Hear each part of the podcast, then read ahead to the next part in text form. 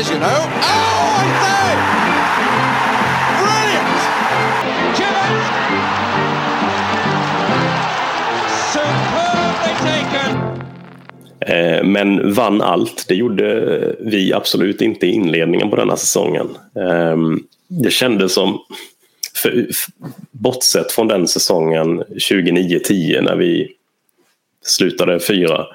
Eh, där hade vi en jättefin start med Redknapp, fyra raka segrar och så vidare. Men det kändes som ofta med Harry så det var ganska knackigt i början och sen kom det ett par värvningar i augusti, någon deadline day och sen så satte sig. Eh, vi kommer komma ännu mer till den säsongen eh, efter denna. Men vi inledde hemma mot Manchester City 0-0. En match där jag har för mig att var det Joe Hart som hade en helt, spelade helt otroligt i den matchen. Ja, alltså så minns jag också att det var jag Hart som, som fullständigt bommade igen det där målet på ett sätt som många refererar nu i nutid till lite mer så här Tim Krull-match mot oss. Så var ju John Hart före Tim Krull med att göra en sån på den här sidan millenniet så att säga. Ehm, nej, jag för mig vi gjorde en väldigt fin match. Alltså prestationsmässigt. Mm, mm. Men som Ja, du sa, Joe Hart gjorde en ännu finare prestation. Och det var det som kändes så, så härligt för ändå en ganska Alltså ett ganska moderat transferfönster får man väl säga. Eh, med tanke på att det var första gången vi hade haft Champions League som eh, dragplåster. Detta var ju förvisso då innan vi hade fått in alla de spelarna vi snackade om precis. Ehm, men nej, det kändes som en bra start eh, ändå. Det kändes väldigt lovande. Och sen så eh, matchen efter, då var det ju dags för att kvala in till, till Champions League. Vad var det? Det var konstgräsplanen borta mot Young Boys. Det var 0-3 efter, efter, det var typ en halvtimme. Det var Ja. helt fullständigt haveri. Efter, ja, efter 28 minuter efter 28 minuter stod det 3-0 till Young Boys. Ja, ja, ja du är. Och så, som jag minns när man satt och kollade på matchen så sprang de sönder oss totalt bakom vår backlinje. Och hittade lägen och vi var som Bambis eller vad vi nu Jag kunde inte hantera bollen svårt alls i den matchen.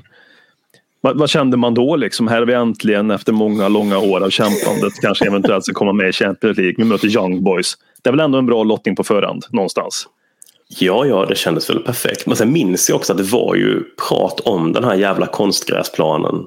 Den här artificial turf. Britterna är ju liksom usch, usch. Vad är detta?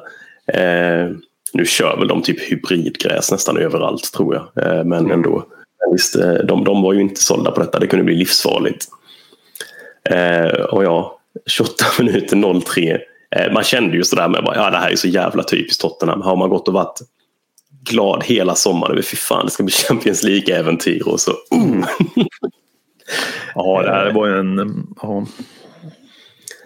Och här var ju också en grej då jämfört med eh, matchen innan så eh, det kändes som att här hade Redknapp en idé om att vi skulle använda truppen vi hade för vi hade faktiskt en ganska bred trupp. Vi ändrade rätt mycket inför den här matchen. Eh, bland annat liksom vi körde eh, Giovanni dos Santos från start. Vi hade Pavlyuchenko från start, Defoe eh, som inte hade eh, som inte alls var liksom garanterade startspelare under den här säsongen. Utan alltså det kändes som att ah, men han tänker rotera lite. Eh, men eh, ja, eh, 36 minuter in så plockar Harry av Asue Kotto och sätter in Tom Huddlestone. Mm. Lite så, kanske inte det mest väntade draget men det funkade ju, det stabiliserades ju därefter och Basong reducerar ju på nick på hörna Just- eh, just. i slutet på första halvlek och då känner man ja okej men nu har vi lite lite vittring här. Och sen eh, i slutet på matchen så drämmer väl Pavlyuchenko in ett jävla, är det inte en riktig fullträff upp i typ nättaket, krysset eller någonting. Så som Pavlosjenko gjorde. Han hade en jävla bössa där på, på ja, distans. ja, jävlar vad han kunde få till det. Jag har för Ja. mig att det var ett sånt mål. Jag kan ha fel men jag är rätt säker på att det var. Jag har också för mig det. Rätt många mål av Pavlosjenko var ju på det här sättet. Det var ju inte tap-ins liksom utan det var ju... um, Nej, Ja. Nej han kunde verkligen göra snygga mål. Ja, fan. Mm, mm.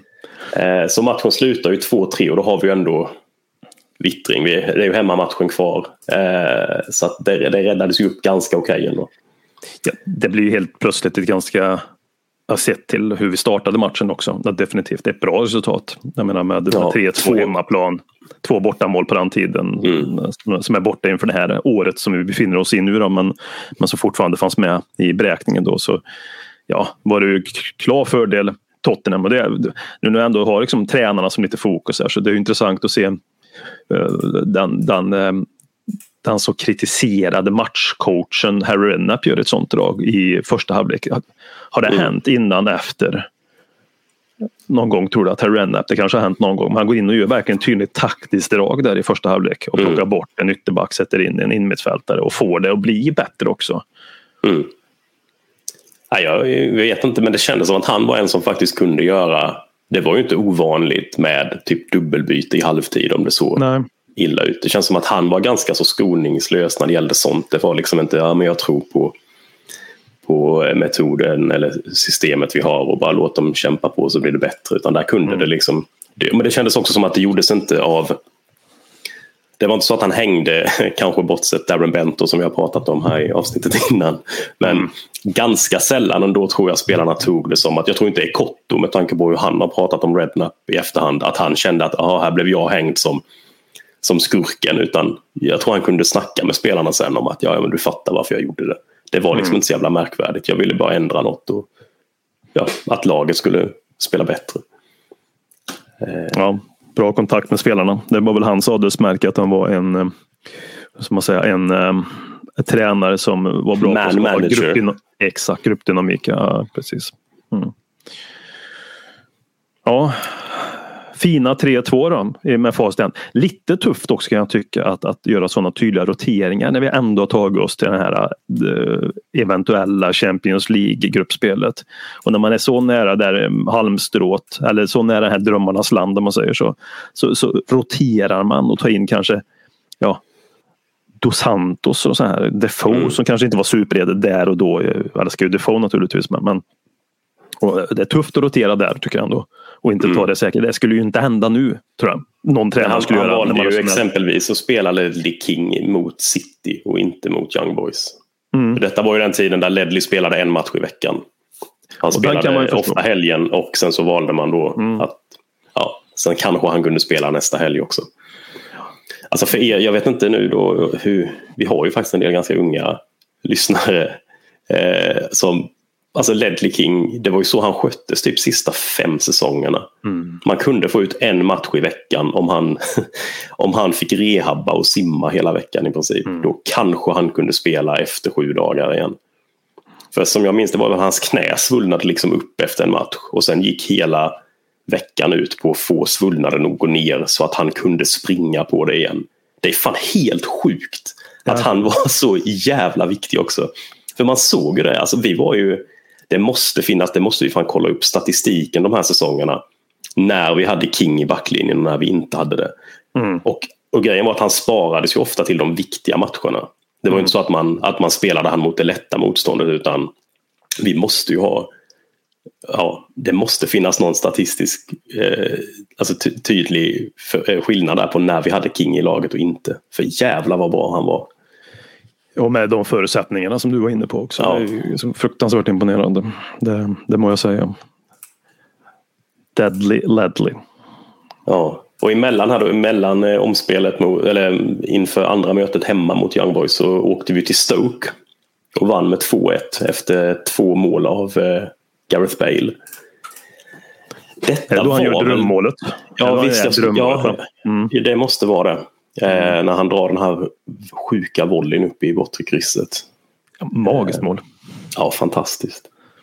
Och det är ju starkt får man ändå lov att säga här. Vi har öppnat med eh, kryss mot City, bortavinst mot Stoke. Detta, och detta mm. var ju, här var det ju jobbigt att spela borta mot Stoke.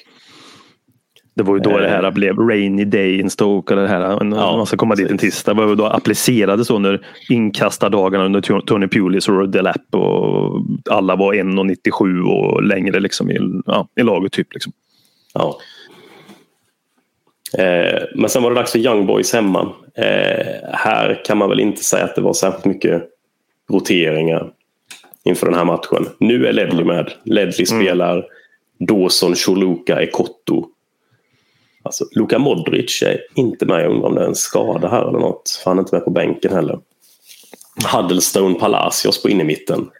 Bale, Oj. Lennon på kanterna och Peter Crouch som har kommit, nu kommit in. Detta var väl hans första match. Möjligt han var med borta mot Stoke med. Och Jermaine Defoe på topp.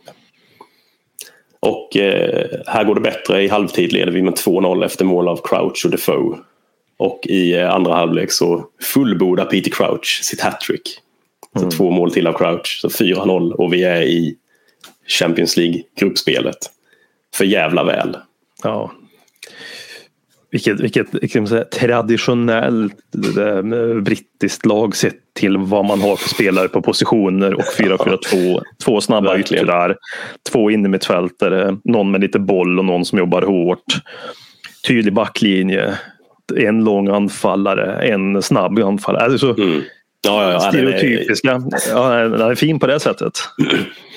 Och det är också tydligt här Huddlestone, den som slår passningarna på Ja. mitten. Palacios, den som håller mittfältet. Förvisso Mm. båda de hade ju alltså, defensiva förmågor men rollfördelningen där var nog rätt tydlig. Att det var inte Wilson Palacios som skulle fördela boll direkt utan han skulle springa och, och bara gnugga. Ja, precis. Eh, Jag minns det faktiskt att känslan kring den här matchen att man var så jävla avslappnad i halvtid. För att trots det här då, okej, det är bra, det är okej läge nu, vi har hemmaplan mot Young Boys. Men man var ju nervös som fan inför detta. Man hade ju kunnat, man såg ju framför sig ett tidigt mål av Young Boys eller någonting, eller en, ett rött kort eller någonting på någon i backlinjen, vad fan som helst som, bara, som skulle få det här läget att se, ja, Ja, man var väl lite skadad efter första matchen där också. Alltså den eh, monumentala käftsmäll vi åkte på med efter 27 minuter. Det var så 28 minuter var det så. 3-0 till Young Boys. Det, det var väl lite PTSD i en där någonstans. utöver det liksom. Men någonstans hemma White Hart Lane, gräsmattan där som eh, låg fint och eh, ett, ett fint Tottenham 11. Ja, det ska ju mycket till. Då. Någonstans som jag minns känslan där och då, jag inte kommer ihåg exakt men, men ehm, ja, det kändes ändå som vi hade goda förutsättningar och var, var hoppfull inför den matchen. Sett till att det stod 3-2. Jag menar, vid 2-0 i halvlek som du säger att man var avslappnad. De var ju tvungna att göra två mål då också. 2-1 var ju fortfarande här på täppan. Så jag menar, mm. ja, Nej, det borde ju varit lugnt, men eh, som sagt, det, Tottenham är Tottenham. det funkar ju inte så. Nej, nej, nej, nej. Nej. nej. Så rationell är ju inte den så kallade sporthjärnan. Liksom. Den, den, eh, den skevar iväg på ett annat sätt än mycket övrigt. Efter Young Boys så gick vi på pumpen hemma mot Wigan 0-1. En av dem, det känns som att det finns många 0-1 matcher hemma mot typ Wigan, Stoke, Wolves, den typen av lag under två, tre Rednap-säsonger där. Lite så här bakfylla från liksom, som här spöat Young Boys i Champions League. Sen var det 0-1 hemma. Eh, till. Det var liksom det sämsta du kunde göra efter Champions League var att spela hemma mot ett lag från eh, bortre halvan av, eller lägre ja, bottenhalvan av tabellen. Mm. Många sådana pumpar vi gick på. Ja, där minns jag faktiskt lite väl. Lite lätt sådär. hur- Jag kan ju komma ihåg den extrema besvikelsen jag kände. Jag kommer inte ihåg vart Wigan slutade då i ligan men, men det var ju som du sa. Det var ju ingen lag man... man eh, var det säsongen innan vi vann med 9 Förresten, på tal om det. Nej, detta var säsongen efter. Det var den när vi slutade fyra som vi spöade dem 9-1. Ja, det menar jag sa fel. Ja. Eh, Säsongen, eh, så vi hade ju 9-1 från förra året att gå Mm. på. Liksom. Så, ja. Mm. Ja, de gjorde lika många som då fast vi gjorde nio färre. Ja. ja, det förklarar resultatet. Så Wigan hållde bara en jämn nivå men det var vi som var, ja, jag vet inte hur många procent sämre, rätt många procent sämre helt enkelt.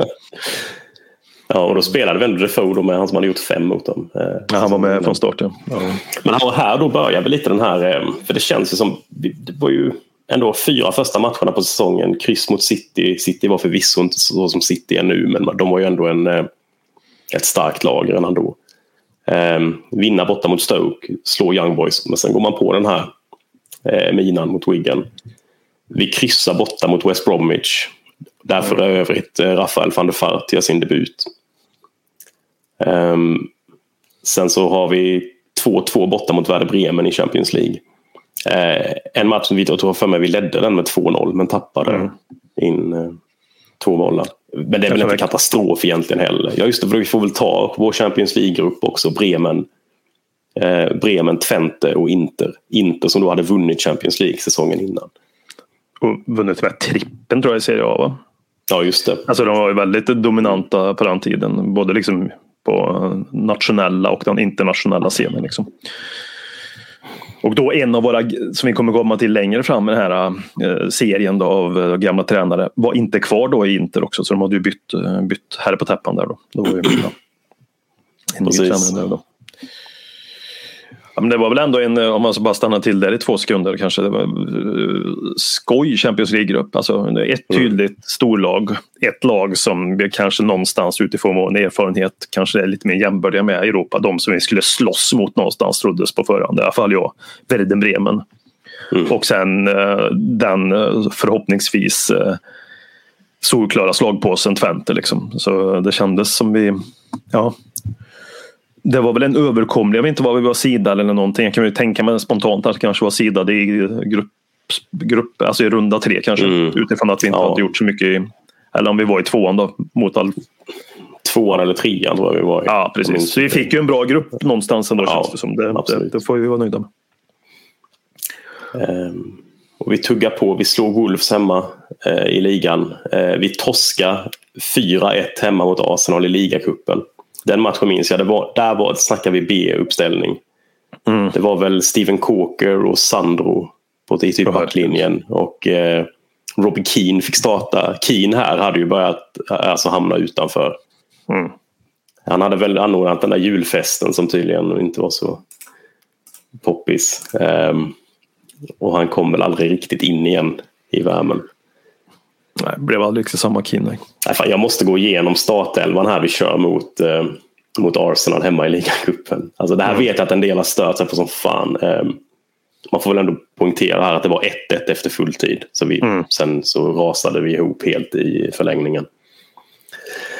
Men eh, vi startade alltså med Stipe Pletikosa i mål. Denna titan. Jag undrar om detta är enda matchen han gör i Tottenham.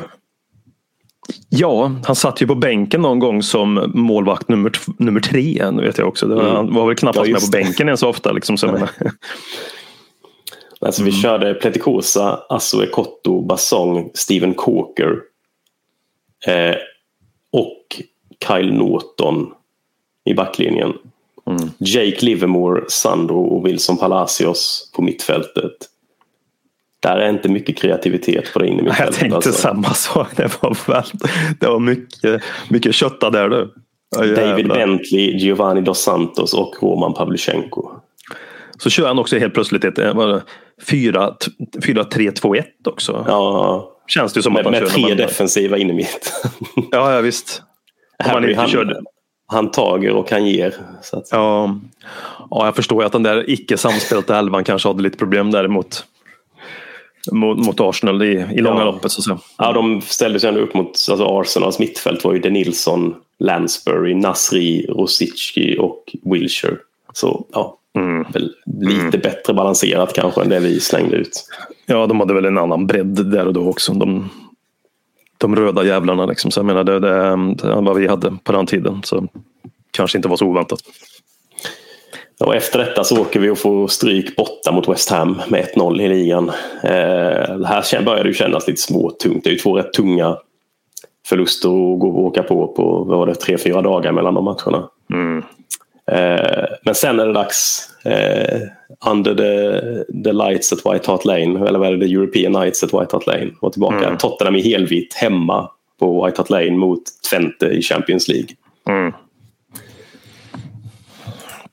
Ja, minns du den matchen? Jag minns matchen, kommer inte ihåg resultatet men jag, jag spelade inte också Nasser Chadli emot oss på den tiden? Va? Ja, Jajamän. Och gjorde väl mål också? Eller? Jajamän, jajamän. Ja, du ser. det stämmer. Det stämmer. Uh, men vad vann vi med? 4-2? 4-1? 4-1 var det. 0-0 uh, i halvtid. Men i 47 minuten så gör van der Fart 1-0. På straff va? Eller gjorde han straff nej, senare i matchen? Det var, nej, det var straffar kom senare. Ah, okay. Eh, men sen var det faktiskt Pavlyuchenko som gjorde två straffmål. Jaha, två eh, straffmål. Och Nasser Chadli passade på att reducera däremellan. Mm. Eh, och så Gareth Bale gör 4-1 i slutet av matchen. Mm. här var det väl också nu då när Bale, det var inte riktigt här han slog igenom men det började synas nu hur, att han var på väg att ta ett steg framåt vill jag minnas. Mm. Fan, van der Vaart blir ju utvisad i den här matchen också. Det, blir, det, ja, det blir bara... Blir, två, gu, två gula kort. Han ska gärna få, sista ska han gärna ha för tjat också om det så var fan det var. det ska inte vara någon kapning på honom. Han ska gnälla på domaren eller någonting. Liksom. Ja, ja. Mm. Um, ja faktiskt, han gör, han gör mål i 47 och i 61 har han fått två gula och blivit utvisad. Mm, mm. Ja, ja, det är vackert. Det är vackert. Ja, det var första, första matchen. Ja. Och så Helvitt också. Den fina, fina mm. Helvitt-adressen som, som är så vacker att se på oss. Um, ja. Det är väl ändå en okej, okay, eller mer än okej okay start på, på äventyret. Med att ha fyra mm. poäng. Kryssa borta mot Bremen. Seger mot Twente. Det är väl allt enligt planerna någonstans. Mm. Ja. Absolut. Ja, det får man väl. Hade man väl absolut tagit på förhand, tänker jag. Man kan ju tänka också den här dåliga starten bara för att landa i Harry Redknapp. Att, jag vet inte hur många Europa-äventyr Harry Redknapp har haft i sina dagar. Inte allt för många gissar jag på i West Ham, om ens någon. För då var det ju då krävdes ju lite mer när han var där under 90-talet att komma till Europa. Det räckte ju inte bara med Ja, det var väl fortfarande Champions League-topp. Jag vet inte när jag, började, när jag började att det skulle vara topp fyra för att komma med Champions League riktigt. Men det krävdes ju lite bättre tabellposition för att komma i Europa. Så jag vet inte om Harry Redknapp också hade någon sån här superduper Europa-erfarenhet som tränare. Det hade han ju definitivt inte, men om han ens hade varit i Europa innan. Nej, uh, han, han måste väl ha varit på något vis. Han vann ju FA-cupen med Portsmouth. Så då måste ja, var, han åtminstone ha varit ja, ute ja. lite grann där. Ja, det är klart. Det var ju det, innan oss. Ja. Det var innan oss han vann den va? Ja. ja. FA-cupen. Ja, men du ser där. Ja, då hade han ju den då. Men det var inte mycket. Nej, jag undrar om han hade så mycket mer än det faktiskt. Kanske någon sån här, eh, vad fan hette den, inte Toto-cupen, man hamnade Fina. någonstans på. Ja, ja. Man vann Fair Play-ligan var det va? Så fick ja, ja, ja. fina, fina inte Toto. Jag vet inte hur många gånger i svensk fotboll har, inte bara, bara här, har Häcken kommit med för Fair Play-ligan i Sverige? Det är hur många gånger som helst jag kan säga. Äh, nej, Gävle var det som gjorde det många gånger. Gävle var det. Gävle IF. Så här, fyra år i rad var de med i Europa bara för att de vann eh, den är ju borta helt och hållet. Fair play-ligan där kan ju varit någonting mm. att sikta på. Det känns ju som att eh, West Ham inte var med i Fair play-ligan så mycket heller. Så i fall. Nej, nej. Jag minns någon säsong också så var det så. Vi har gjort Intertoto kan jag säga. Tottenham, mm. ett år. Ja, det mm. har vi gjort. Men det var också snack om det någon gång. Eh, jag minns inte om det var när Redknapp hade tagit över, om det var under Joll. Men att det var prat om, om Tottenham, att folk ville att Tottenham skulle ta mycket varningar i sista matchen för det var risk för att vi skulle vinna Fair Play-ligan och ta oss ut i det här. Så folk satt där, vad fan kötta nu, var ute och sparka ner dem i sista matchen. Det var så där, vi, vi hade ingen tabellplacering direkt att spela om, det handlade bara om liksom, nu måste vi plocka på oss kort här så att vi inte vinner den här jävla Fair Play-ligan. Nej, nej, nej, nej, det låter ju rimligt. Det låter ju rimligt. Ja, nej, men eh, det jag tänker på att det kan ju vara en, också en orsak till eh, den ja, faktiskt jävligt svaga start på Premier League-säsongen sett till vilka vi har mött också som du har pratat om. West, West, West Brom och Wigan och West Ham. Och, så var det ju väldigt få poäng in på kontot sett mm. till vilka vi har mött också. Eh, mm. Det är ju inte de här stora drakarna än så länge. Liksom. På den tiden så var inte City det. Så nej, det är det jag menar, alltså Champions League-äventyret. Spelarnas också eventuella upptagning för att vi äntligen är där kanske också spelar roll att man, man var så extremt fokuserad på tisdag och onsdagsmatcherna som komma mm. skulle. Att det blev eh, svårt att ladda till på rätt sätt från alla håll. Jag kan tänka mig att det hade en stor Mm. Stor alltså det, var, det var ju också första gången vi kunde komma in i det gruppspelet och här var det ju, det, så är det ju nu också. Men de tv-pengarna för Premier League var ju inte, det var klart de var jättestora då mm. också, mm. men de var ju inte alls på den nivån som det är nu. Nu är de ju på den nivån att ett, ett jävla mittenlag i Premier League kan ju liksom hävda sig med fan toppklubbar i andra ligor rent alltså lönemässigt ja. och transfermässigt. Det var, så var det inte alls då, utan den här Champions League, jag har för mig det var typ 30-40 miljoner pund man pratade om. Att det var värt att komma in i gruppspelet. Mm. Eh, så av den anledningen är det ju för, förståeligt att man satsade på det. Och sen tog det väl kanske ett tag att få den balansen rätt.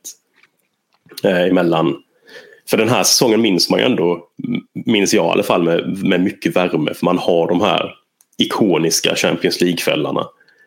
Mm. Men i serien var det ju ganska hackigt. Och som du säger, man minns när du säger matcherna, när du gick igenom det i början, så match där, Wigan, just det, vi förlorade mot Wigan. Men så den över, känslan för säsongen är ju Inter hemma, ja. alltså Milan bort. Alltså det är ju den här värmen i Champions League som skapade en... Ett, ja, det var något speciellt att gå in i den turneringen för första gången. Liksom. Mm. Oavsett eh, tidigare framgångar, som, eller se, ja, nu närmare framgångar vi haft, så vurmar jag lite mer liksom, emotionellt för den här Champions League-säsongen på något sätt. Mm. Ja, och um, det blir väl så nu när vi går igenom den här också att vi, mm. vi kommer väl beta av Premier League-matcherna ganska fort. Och så fokar man på Champions League. Dassa av dem, dassa av dem. Ja. Men här efter då eh, Twente var vi på 4-1 hemma. Eh, vi slår Villa hemma i ligan. Vi slår Fulham borta i ligan. Båda matcherna med 2-1. Vill minnas att Fulham borta var det lite van der Fart show. Inte helt. Jag vill minnas Undra, att jag vill minnas det. Han gjorde två mål mot Aston Villa för mig. Gjorde han ja, det var det kanske. Ja, just det. Ja, det är där han gör den här kroppsfinten. Ja, och Peter eh, Crouch nickar ner till dem. Då, ja. då är det här anfalls... Crouch som offensiv anfallare och Peter van der Waart som def, alltså offensiv ja, ja. Det börjar klicka ordentligt. Liksom. Ja, ja, du har helt rätt. Han gör två i den matchen. Mm. Um, ja, det var ju... Ja, ja, de hade ju ett fint samarbete. Verkligen. Mm. Eh, och sen så är det dags. Eh, Champions League borta eh, på San Siro mm. mot eh, de eh, eh, regerande mästarna Inter. Oh. den här Inter, om, det var, om det var en dålig första halvtimme mot Young Boys då får man nog säga att eh, den här första halvtimmen var ja, katastrofal. Oh. Xavier Zanetti gör 1-0 efter två minuter. Efter åtta minuter så blir Hurelio Gomes frilägesutvisad. Vilket gör att, att Harry Redknapp plockar av Luka Modric och sätter in Carlo Cudicini. Oh, jävlar, eh, Modric, alltså. Samuel Eto'o gör 2-0 på straffen då efter. Mm. I, och i 14 minuten så gör Stankovic 3-0. Och i 35 väl. minuten ja. så gör Samuel Eto'o 4-0. Så vi har halvtid borta mot Milan, eh, Inter, underläge 4-0, målvakten utvisad och Luka Modric utbytt. Ja, det var den stora scenen.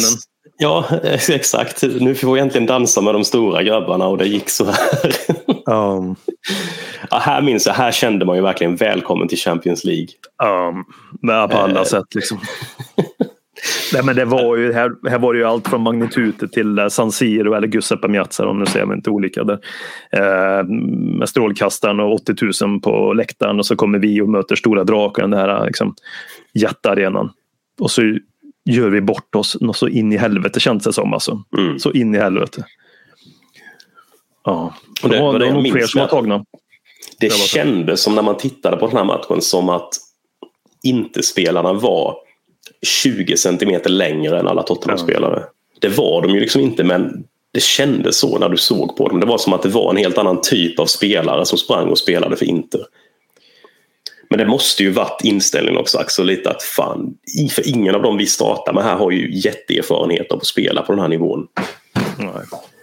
Ehm, jag menar den mest erfarna vi startar med här är väl liksom Peter Crouch som har varit där med Liverpool. Liksom. Men mm. Och William Gallas då eh, hade ju också erfarenhet såklart. Men de andra är ju inte, de har ju nästan aldrig, de har ju aldrig spelat på den här nivån tidigare. Eh, så det kändes mörkt. Här kände och det som du säger, men det var ju det här att man skämdes lite. Här är vi och gör bort oss. Liksom. Fine om vi förlorar men... För 4-0 i halvtid kändes som, alltså det var inte så att man trodde att vi skulle hålla 4-0 ens. Vart kommer det här sluta? För det var ju 45 Nej. minuter till att ta sig igenom. Är det 7 mm. eller 8-0? Eller vad, vart kommer vi hamna i slutändan? En man mindre. Inter som totalt kör över oss på alla plan. Liksom. Så det, det var ju det också, man förstod att matchen är inte slut. Det är 45 Nej. minuter till. Någonstans att jobba sig igenom. Och sen är ju, kan vi säga, säga vår favorit, eller vår favoritgalning i mål också. Så att han får en utvisning i den här matchen. Liksom också. ja, det säger ju också någonting på det sättet. Jag, friläggsutvisning, jag kommer inte exakt ihåg, jag för mig en bit utanför straffområdet också och kör över, eller så minns jag fel, liksom, utav en av hans alla friläggsutvisningar, Gomes där. Men, men, ja, jag har för mig han är ute i eh, är det i straffområdet det blir straff på den. Ja, det, men han är ja, ute och flänger. Och liksom, ja. Ja. Ganska långt ut i alla fall. Ja, men ja. 4-0 i halvtid.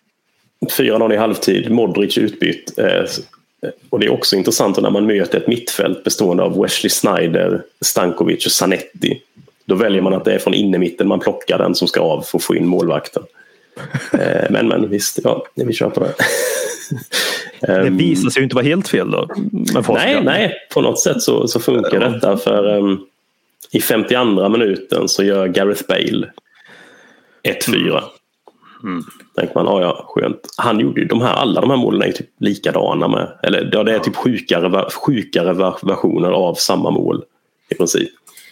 Och sen håller vi då 4-1. Jag vill inse, jag tänker lite här, det kanske är en sån här italiensk övning här att ja, ja, alltså det finns ju det fanns det väl då med lite den här gentlemannagrejen att du, liksom, mm. du ska inte förnedra motståndarna.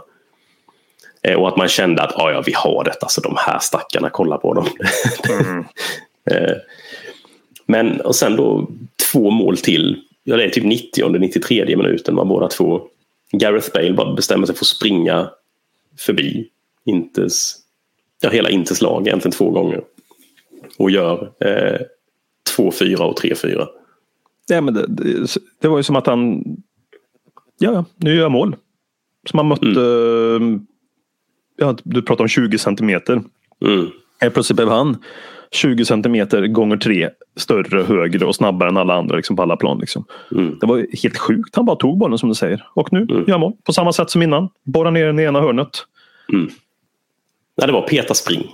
Ja, och det funkar hur lätt som helst. Vilken explosivitet han hade då.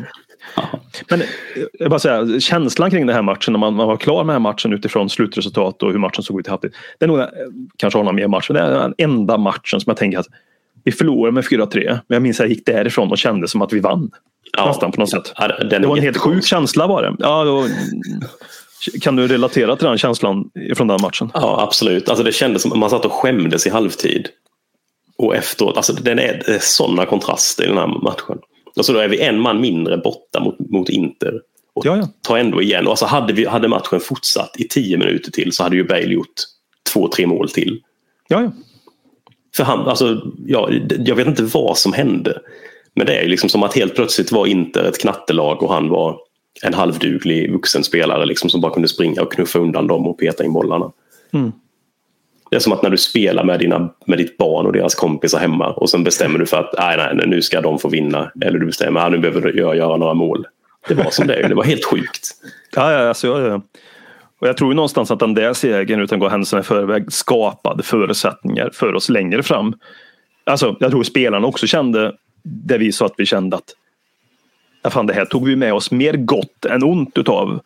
Hade vi förlorat matchen på ett annat sätt utifrån andra förutsättningar så hade det nog känts mer som en förlust och kanske skapat en annan en annan fortsättning på Champions League-äventyret och säsongen. Men det här blev ju som en självförtroendesboost istället. Mm. För alla liksom på något sätt. Inte bara för Gareth Bale naturligtvis men för, för samtliga lag tror jag att det här skapar en tro på det. Mm. Absolut. Och det kände man ju själv också. Att vad fan, vi kunde ju här när ja, jag visste så hemskt ut. Det såg, var helt bedrövligt i första mm. halvlek. Men vi kan ju vara här. Då, ja, ja, gud. Ja, var... Eh, och sen är vi tillbaka till Premier League igen. Då är det eh, kryss hemma mot Everton. Förlust borta mot United. Och sen är det dags igen då för Inter. Den här gången hemma på White Hart Lane. Mm. Denna är väl ändå, ja, jag vet inte, hur håller du denna matchen som... Eh, hur högt håller du den?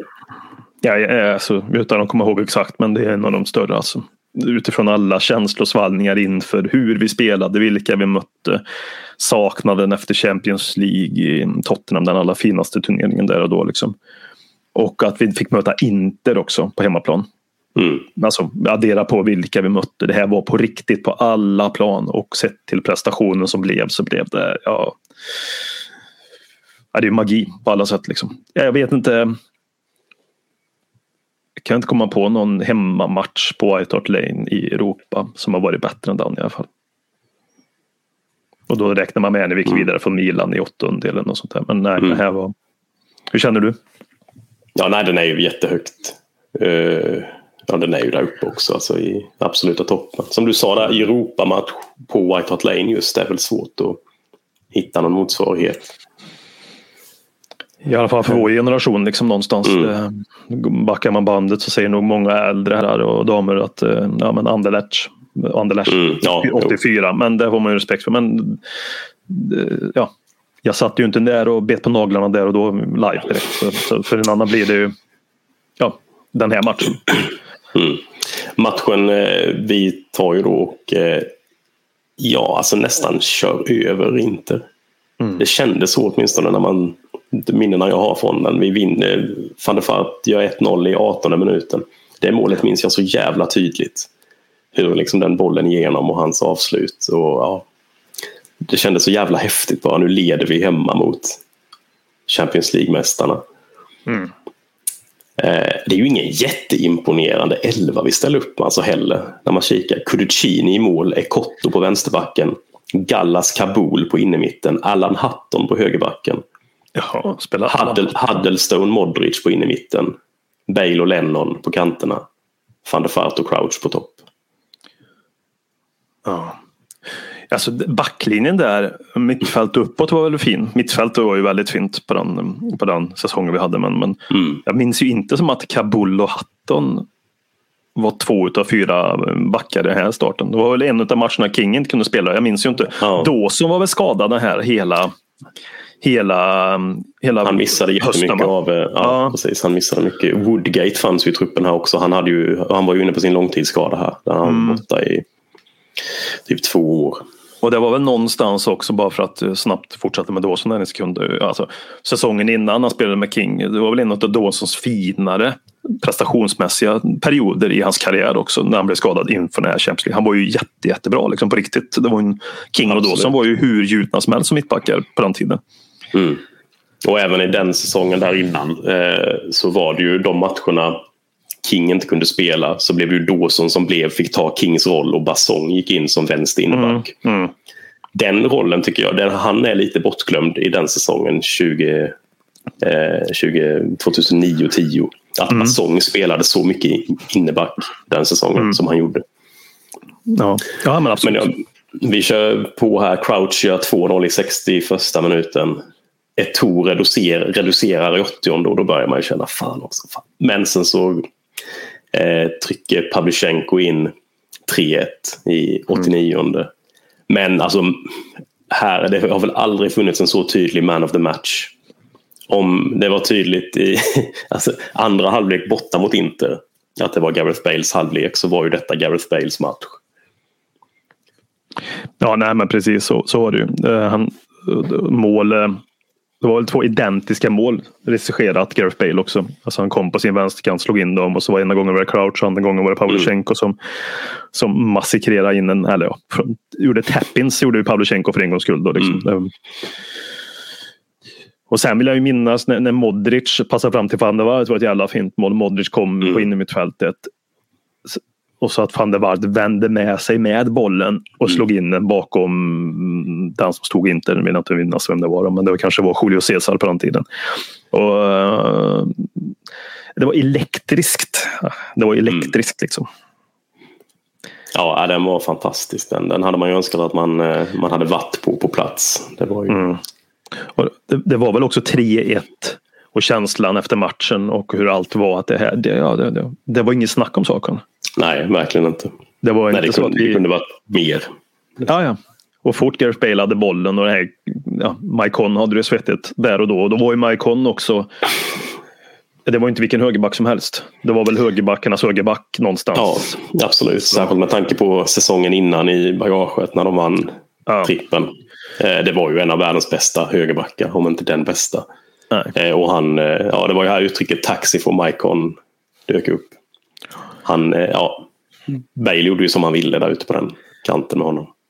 Jag tror nog att någonstans med Rednap och de här spelarna Och det här laget Rednap kanske var bra för många. För vi hade ju många som hade en individuell högsta nivå som var väldigt hög. Liksom. Och spelare också som jag tror mådde bra av att, få, att bli litad på utifrån sin egen um, fotbollsbegåvning kreativt och med hjärnan. Som van der Waart tror jag mådde väldigt bra under Harry Redknapp. Att Mm. få bli behandlad och ha friheten. Eh, För det, han, han tyckte ju om att göra vissa saker framför andra saker. Så han uh, gillar väl inte det här hemåtjobbet alltid så värst mycket. Han var väl ingen som vi kommer komma in längre på, eh, när tränare ställer andra typer av krav på van der Waart så fick man inte ut max av van der Waart. För det måste man ju ändå ge Redknapp. Han fick verkligen ut max av van der Waart och hans max är ju väldigt högt. Mm. Jag menar, och Gareth Bale fick ju jobba utifrån de förutsättningarna han kunde där och då, alltså bäst som farten. Han, han var ju duktig någonstans att hitta spelarnas spetsegenskaper och applicera dem på planen och göra allt det maximala utav deras spetsegenskaper på något sätt. Mm. För jag menar, Huddlestons tid där och då, ja det var väl en av hans finaste tider så att säga, i Tottenham. Ja. Ehm, så det, alltså, många pratar ju om Harry Redknapp, eller många, en del i alla fall pratar om Harry Redknapp som, som en här förenklad tränare föråldrad brittisk och så har man liksom lite, kör man lite Stefan och Krister humor över liksom. Eh, Jag tycker att, ja, ja. Han går in där och säger till spelarna gå ut och spela fotboll ju, och så är det inget mer med det liksom, som precis som vem, helst, vem som helst kunde göra. Men ja, det, där, det som kan se enkelt kanske inte alltid är enkelt. För det, bara för att det ser enkelt ut så är det inte alla som bisitter sådana egenskaper att kunna hantera människor och få ut dem på det sättet. Nej. Hade det varit så enkelt så hade ju alla sagt just fucking run around a bit och så hade det funkat. Eh, nej, så, det- är någonting som är liksom, eh, ja, intressant att ta med utifrån ett Harry, Harry perspektiv. Liksom, att han eh, tittar lite på spelarna hur de presterade då under den tiden, de här spetsegenskaperna. Och sen fanns det ju brister i det också naturligtvis. Att vi kanske inte alltid var så defensivt taktiskt disciplinerade i alla lägen och vi kunde liksom ehm, ja, kanske inte, vi spelade utifrån våra förutsättningar, inte utifrån motståndarnas spelare liksom, utan vi spelade utifrån det vi har liksom. Jag ville bara skjuta in den Harry Redknapp-hyllningen här mitt i, mitt i säsongen. Vill jag återkomma till det när vi ska eh, göra, ge slutbetyg på Rednaps Ja, insats ja. också. Ehm, så efter, och här är vi tillbaka nu i de här härliga bakfyllorna. Nu var det inte på hemmaplan i ligan, borta mot Bolton. 4-2 torsk. Ja, herregud. Eh, Bolton leder med 3-0 tills Allan Hatton och Pavlyuchenko reducerar snabbt och sen så gör Petrov 4-2 i slutminuten. Ja. Detta är ju ett Bolton här man måste bara... Detta är ju en... Man blir ju lite glad när man ser den här elvan. Man minns ju det här jobbiga jävla Bolton. Mm. Kevin Davis, Muamba, Matt Taylor, Gary Cahill, Jussi Jaskalainen i mål. Mm. Eh, ja, de hade ju något. Mark Davis. fanns ju något alltså. fanns ju Mm. något i gamla Bolton. Det Men det var Sam. ligan så vi skit i det. Vi skit i den för i två matcher och går vidare. Mm. Ehm, sen kommer vi in i en djävulsk period här. Nu ska vi se, det är fyra, fem, elva matcher i rad i alla turneringar som vi inte förlorar i. Börjar med kryss hemma mot Sunderland förvisso som inte är skitbra kanske.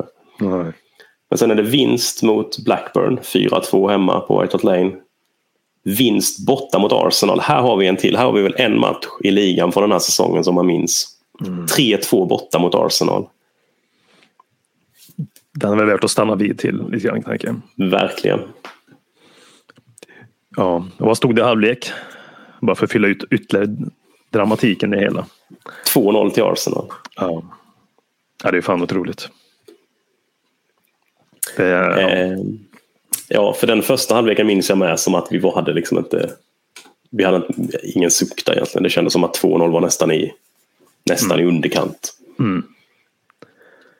Men Ja. eh, Bale petar in 1-2 tidigt i, i andra halvlek. Och sen är det ju, jag tror, ja, den straff jag minns Just det. Just det. starkast från Tottenham någonsin nästan. Det är när van der Vaart slår in 2-2. Han slår ju först en frispark som Fabregas tar med, eh, med handen. Han stoppar den Mm. vidare. Eh, och Raffa börjar veva direkt och domaren ger straffen. Och sen så, sen så slår Raffa in 2-2. Springer längst Arsenals kortsida och hyschar dem. Så han blir varnad för det. Alltså, nej, den är, jag får fan gåshud vad jag pratar om. Det är, ja. Alltså det, det är så lätt att romantisera van der Vaart. Fy fan vad han var Tottenham. Han var inte där länge alltså, men som han var Tottenham. Alltså. Ja, vilket avtryck han gjorde på de få säsongerna som du säger. Mm. Just för att han var allt det vi romantiserar att en spelare ska vara. Allt från eh, högsta nivån och från känslorna och det, elegansen. Ja, han var, vad man säger, born to play for Spurs liksom. Fullt ut. Det var ju något liksom nästan Ja, nu kan det kanske är att överdriva det lite, inte riktigt på samma nivå, men han hade ju något som var lite så här gassa-eskt över sig. Liksom. Ja. Det fanns något sånt där. Alltså den här genialiteten, det här, eh, ja. Ja. Väldigt olika också, men något, alltså it-faktorn, liksom, det man inte riktigt kan beskriva, det som bara är Tottenham på något sätt. Den essensen fanns ju i honom. Så var han ju verkligen en, en, en, en, mm, stora matchernas man också. Van der Vaart. Mm. Stora matchernas man. Det vill jag också minnas att han hoppade upp i derbyn med lite extra D-övert, lite större derbyn och Mm. de här Champions League-kvällarna och nätterna. Liksom det. Han växte liksom uppgiften. Mm. Och det är ju en jävla fin egenskap hos en spelare. Liksom, som att inte, att inte eh, krampa och gå bort sig när det väl alltså, betyder som mest. Verkligen. Ehm, och Jonas Kabul avgör ju på nick efter en frispark i 85 minuten. Så då har vi vänt 0-2 bort, eh, 0-2 borta mot Arsenal till 3-2. Detta var också en period vi väldigt sällan vann borta mot Arsenal. Det gör vi väl ganska sällan nu också. Men nej, det var en ja, sjukt stor match. Så Jag tror inte att jag tror inte vi har vunnit i ligan då. Borta. Vi vet att vi har vunnit ligacupen mot dem borta. Men, men eh, vi har inte vunnit liga mot dem sen dess. Och innan då så var det ju, ja, det var någon gång på Highbury alltså. Så jag tror enda segern vi har i ligan på, nej, på alltså, den där arenan så att säga. Jag vill minnas det. Ja, det är inte alls omöjligt. Nej. Som sagt, de, är, de är få till antalet bortasegrar mot Arsenal överlag, som oavsett Highbury eller Emirates. Men eh, jag vill minnas att i ligan då, att det är den enda, trofé- enda tre poängen vi har gått därifrån med. Lite kryss och sånt. Liksom. Och just att vända 2-0 till 3-2 uh, Eh, applicerar ju liksom smaken ännu bättre någonstans. Att man får en sån i den matchen. Är det någon match man ska vända i 2-0 underläge till 3-2-seger på någon arena så är det ju nästan hellre att man gör det på en bortaplan mot Arsenal än på en hemmamatch. Lane, liksom. Intressant att notera här med att eh, eh Vedran Choluka faktiskt sitter bänk och att det är Alan Hutton som spelar högerback. Hmm. Även solen har fläckar. Så att säga. Ja. Den världens finaste högerback, Vedran Choluka. Ja, ja, absolut. Ehm, och, och här nu, nu, detta är ju en väldigt fin period den här veckan. Från 20 november 2010, vinst mot Arsenal borta. 24 november 2010, första Champions League-matchen jag går på på White Hart Lane. Ja, hemma ja, mot ja. Werder Bremen. Minns det, jag var över här den veckan då så att jag, jag såg Arsenal och Tottenham hemma. Sen åkte jag över till London och vara där den veckan. Ehm, det här minns jag med vi gjorde då. Jag, jag åkte med, eh, visst fan var Magnus med på den resan? Ja, skitsamma. Vi brukade alltid göra, när vi käkade frukost då varje dag så var det alltid morgontidningarna och läsa sportdelarna. Och följde liksom, vi, vi, det var så vi tog in Tottenham där. Och det var ju som när vi pratade om förra ehm, eh, säsongen innan där. När det var prat om Tottenham inför eh, derbyveckan mot Arsenal och Chelsea. Lite samma vibba här. Alltså nu börjar det pratas väldigt spännande om Tottenham. Att något var på gång igen. Jag menar, det, det har något bara det här att vara det är något med pappersformatet liksom. Och att sitta och dricka sin, käka sitt bacon och dricka kaffet och läsa Tottenham på morgonen. Det var, ja, det var en jättefin vecka. 3-0 hemma mot Bremen. Ja, ingen snack om saken. Jag minns att Luka Modric var jävligt bra i den här matchen. Hur var, var det en extra som du vill minnas om du klev in på arenan kontra de gångerna innan du varit inne på Hart Lane? När det var Champions League, liksom, kände du att det adderade på någonting? Liksom? Ja, absolut. Det var ju den här hymnen också, det minns jag. Det var ju, ja, det var så jävla stort bara att få vara där när vi var där på något sätt. Eh, Mm. Att, visst, man hade ju sett ett par sådana på tv nu innan och det var ju stort bara det. Men det var, det var väldigt speciellt att vara där. Mm. Eh, också, jag minns att man var så jävla stolt över att vi, vi var där och levererade. Liksom, Mm. vi, så nu två hemmamatcher i gruppspelet, två vinster. 6-1 i målskillnad på de två. liksom White Hart Lane var vad White Hart Lane ska vara Mm. i Europasammanhang. Det ska vara liksom jobbigt att komma dit, fantastisk stämning. Ja, det var väldigt lätt att gå på Tottenham då. Mm. Eh. Ja, stabila 3-0 det är också imponerande. Liksom. Mm. Mål av Kabul, Modric och Crouch. Gomes tillbaka i mål men inte utvisad. Nej, nej, nej. Ge honom några matcher till så att säga. Eh, Efter Bremen här, då var man väl beredd här på bakfyllan egentligen. Helgen så var det Liverpool hemma. Mm. Eh, och eh, det Liverpool med Roy Hodgson på bänken. Fina Roy Hodgson. Eh, jag är fan svag för honom alltså. Jag tycker han, han får så mycket skit men jag tycker han är, han är för likeable. Ja, gud ja. Ja, det är vi helt eniga i. Han, krä, han förtjänar respekt. Och detta var också en, det var en tuff match. Det var, eh, det var någon sån period här det var ofta vi låg under i halvtid. 0-1. Martin Skartel har gjort 1-0 i första halvlek. Mm. Eh, vi kom in i andra. Det, jag minns det kändes rätt tungt. Jag fann Fart bli skadad också. Jag minns, han skadade sig i första halvlek och går runt eh, typ efter tio minuter. Mm. Eh, får gå runt hela eh, gå runt inneplan och ja, det känns som fan också. Det här blir tufft för han var i sånt stim där. Ja, verkligen. Men eh, Skartel gör självmål i 65 minuten. Jag för mig det är Modric som springer igenom och den typ studsar in via Skartel. Just det, den har minne av. ja. Och i 90 minuten så kommer Aaron Lennon fri. Lennon som inte gjorde jättemånga mål. Det, jag minns det så jävla tydligt för jag eh, var nere på, jag var på andra sidan arenan så man såg bara att vad fan det ser ut som Lennon är fri. Alla ställer sig upp och sen när bollen går in, alltså herregud vad det exploderade där inne då. Det var riktigt, där var det ljudnivå. Episkt folk- firande. Ja, folk flög överallt och ja, man bara ja, skrek ja. sig helt, helt hes. Ja, härligt, härligt. Ehm, ja, eh, vilken jävla avslutning på den matchen. Eh, och det kändes också, har jag för mig, som en ganska oförtjänt seger. Men vilket gör ju att det känns ju bara ännu bättre. Ja, och att ta en i minut 90 och plus också på det. Liksom. Det blir ju inte... Mm.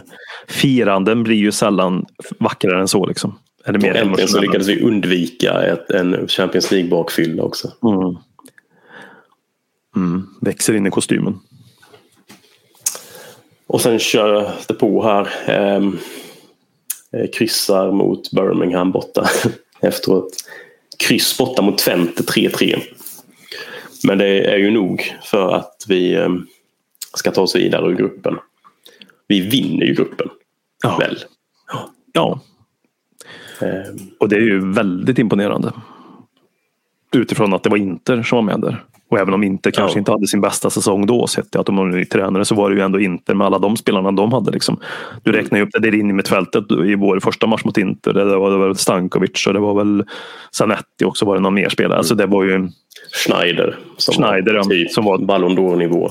Ja, det var ju inte vilken innertrio som helst. Liksom. Så jag menar, ja, det är viktigt att, om det någonstans är viktigt, att folk förstår att inte där och då, som du sa, även om vi kanske har lyssnare som inte aktivt upplevde fotboll på den tiden så var det ju det var ett fruktansvärt bra lag Inter hade. Liksom. Och komma före dem då i den här Champions League-gruppen, ja, hatten av.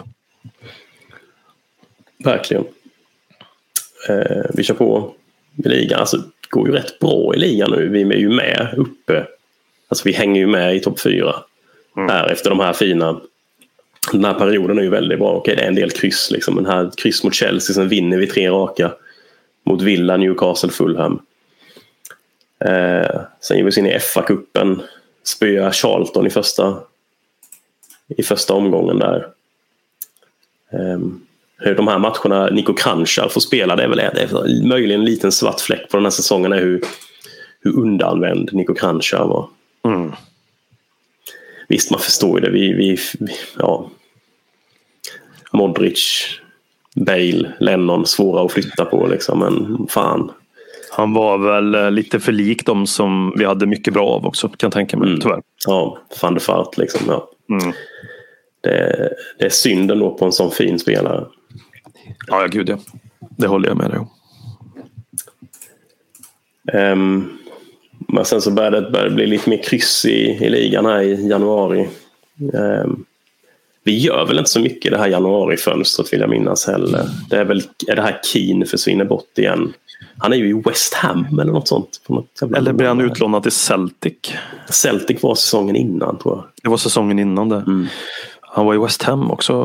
Ja, jag vet inte vad han höll på med riktigt. Han snurrade runt lite. Nej, nej alltså hans Tottenham-karriär blev väl lite indirekt när han försvann till Liverpool. Även om han kom tillbaka så blev det ju aldrig som det var innan. Ens i närheten av det. Så jag menar, jag har inte ens tänkt på Keen nu när vi har pratat igenom oss den här säsongen en bit, bit in. Nej. Så Nej, han var ju knappt inte inblandad. Han var, in, han var inblandad i den första matchen borta mot Young Boys. Ja, så, ja. Nej, men det. Han känns inte um, aktuell liksom, på något sätt. Jag kommer inte ihåg vart han gick. Men han gick alltså. nej. En som kom in var ju Steven Pienaar. Pienaar. Ah, det var, ja, det stämmer ja. Everton Vilket kändes som en jävligt konstig värvning. Men visst. Mm.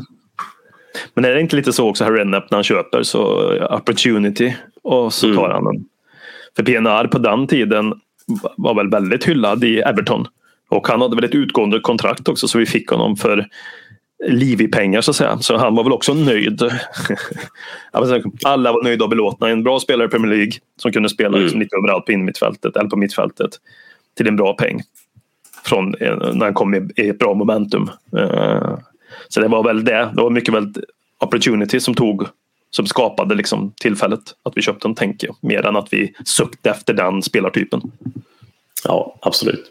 Eh, för jag minns, jag tyckte det kändes lite konstigt för det var som hans spelstil, det, som du sa precis, gällande Krancha, vi hade rätt mycket av. Ja, ja men precis. det, var ingen, det var ingen tydlig Palacios tvåa eller en tydlig nej, nej, nej. bollvinnare på innermittfältet utan det var ju en han var väl en hybrid mellan det och han var ingen bollvinnare heller. Han var väl en han var ingen Modric, han var ingen Palacios, men han var någonting däremellan liksom lite mer.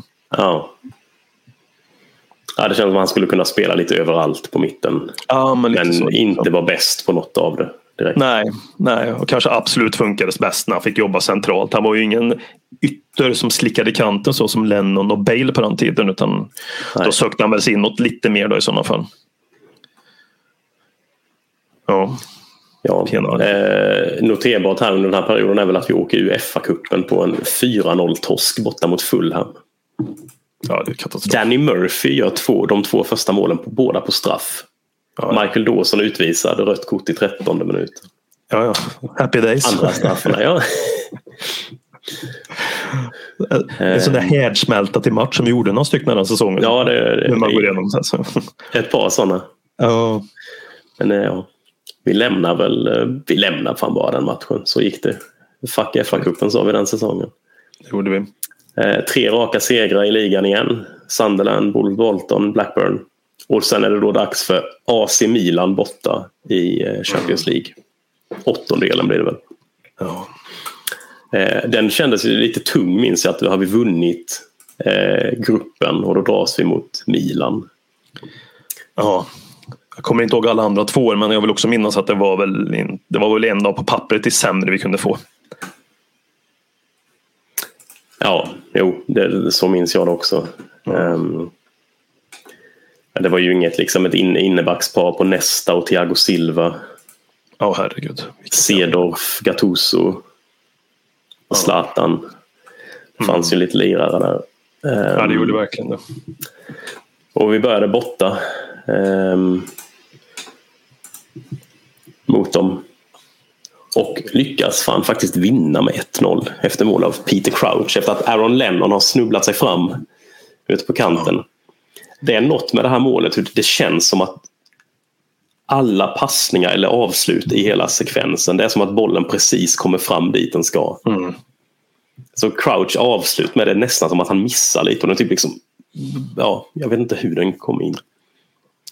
Och den här matchen har ju så jävla mycket moment i matchen. Det händer ju så mycket hela tiden också. Allt från Gattuso versus Joe Jordan. Allt från Gattuso versus alla på planen. Jag minns att han var ju...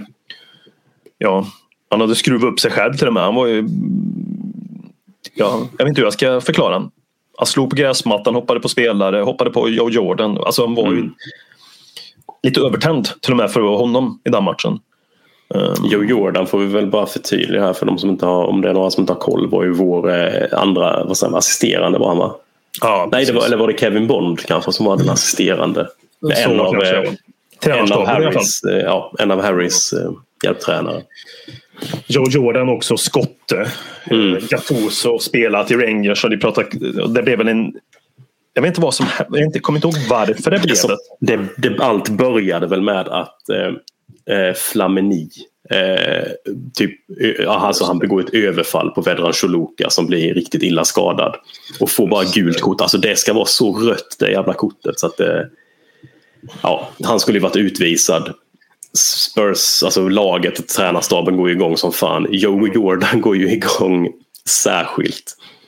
Eh, och här börjar väl gnabbet mellan Jordan och Gattuso. Här tror jag det är första gången då som de liksom börjar hugga mot varandra lite. Men det är inte mm. här det eskalerar. För, det, för senare då så går ju Gattuso fram och tar liksom strypgrepp på Joe Jordan. Vilket han får gult kort för också lite. um, men, eh, ja. och det som jag tycker är så jävla fint med den här sekvensen är att om du tittar på första gången de gnabbar med varandra så har Joe Jordan glasögon på sig. Andra gången de gnabbar, gnaggar, då har Jordan redan tagit av sig glasögonen. Det är som att jag är fan ah. redo här om det smäller. Det är vackert. Det är vackert. Det är, jag, jag ser bara framför mig hur, hur, Jordan står där och kan inte se någonting. Och Harry bara, vad fan har du inte glasögon på? Bara, Säg om Gattuso kommer nära så är jag redo. Liksom. Det. Är väl ingenting som är så synonym för folk som har glasögon när de tar av sig dem i en irriterad position. Att då är det, det är väl som att dra vapen ungefär. Det är signalerna blir aldrig starkare än så. På jag är redo att ta det nu. Och Jordan hade dragit sitt vapen. Ja, jag tycker den bilden är så jävla fin också någonstans. Att hur Joe Jordan spänner ögonen är så stridsaktig i sitt beteende. När du som du sa, Gattuso lägger händerna runt halsen på honom. Det är inte så att uh, Joe Jordan bryter ihop, spelar på det utan han jävlar vad han bröstar upp sig. Jävlar vad han bröstar upp sig. Ja, nej, Gattuso tar ju strypgrepp och Jordan går liksom framåt. Han är ja, ja. Och som, som vi sa tidigare, är det folk som har missat den bilden, missat den på något sätt, lyckats med det, kolla på det. Liksom. Den bilden är Ja, det är en av mina favoritbilder i Tottenham. I modern historia måste jag ändå säga. Hur han, hur han tar situationen också. Det är, det, det är vackert nu när man står upp i sådana situationer. För jag förstår ju att Joe Jordan inte behöver bryta ihop för det. För han får händerna runt halsen eller spela över eller dramatiskt spela på att nu ska jag få ut Gattuso. Det är fint ändå tycker jag någonstans. Också glad att Gattuso bara får gult kort för det. Han ska inte ha rött för det. Nu får jag, jag får faktiskt ändra, korrigera mig här lite. Att just när strypgreppet görs så ja. har, ju, har Jordan glasögonen på sig. Men det är efter matchen sen så går de ju en runda till. Ja, då, ja, är glas, då är glasögonen av. Ja, ja. De åker av i alla fall. Ja. Men det, eh, ja. vi, har, vi har ju en... Eh, jag fortsätter. Nej, kör du. Kör. Eh, vi har ju en incident då när du säger Vedran blir det totalt alltså extremt tvåfotare som träffar hans smalben. Och tack vare någon extra förstärkning i benskydden gör att han inte benpippen åker rakt av. Men han får inte spela vidare sen. Eller får, kan inte spela vidare sen. Och då kommer väl Jonathan Woodgate in efter är det den matchen han kommer in? Ja, det är han. Och kör 45 minuter. Och då har ju inte Woodgate spelat fotboll på, ja... Jag är rätt säker på att det var typ 18-19 månader sedan han spelade.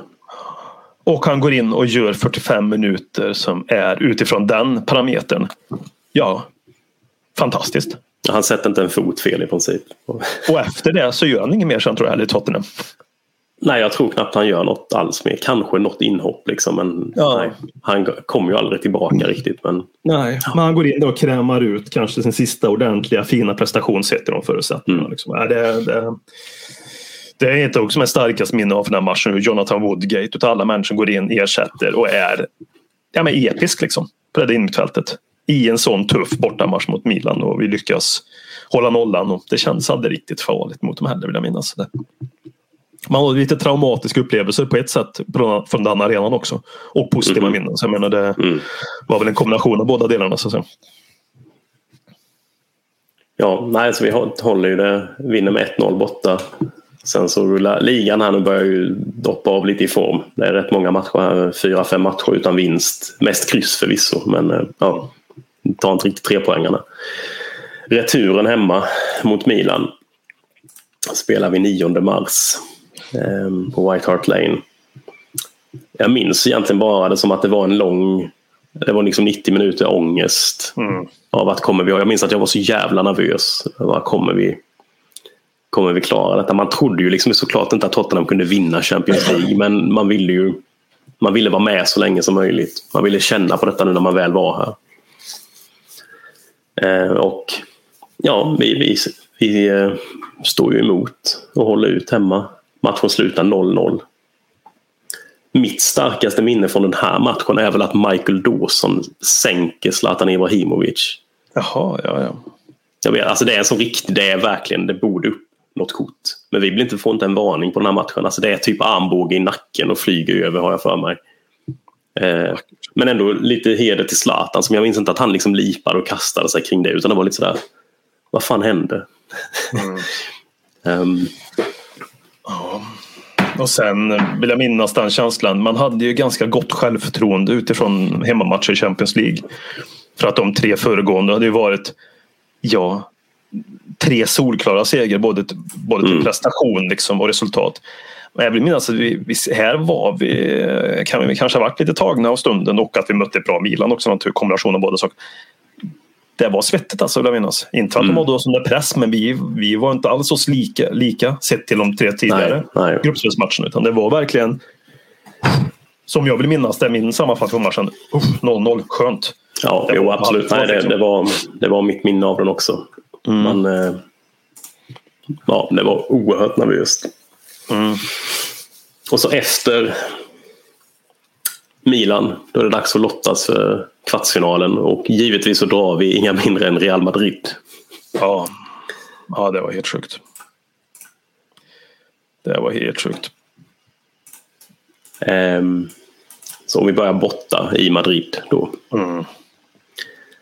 Um, vilket väl Ja, det kanske var helt slumpat vem som började borta. Jag har liksom någon känsla för att det borde vara sidat på något vis. Men det jag tror inte att det är för det från kvartsfinalen. Det är i åttondelen är det ju sidat. Då. Ja, ja. För mig att det är kvartsfinalen. Då är det helt, alltså även vi kunde ha fått mött, uh, kommer inte ihåg vilka engelska lag som var kvar med United bland annat. Från vi gick till final det året. Du, vi hade mm. kunnat få mött dem också. Så mm, det var helt det. fritt fram så att säga. Eh, ja, och um man får väl lov att säga att vi får inte direkt en optimal start på mötet borta. Det är lite det är Inter borta all over. Mm.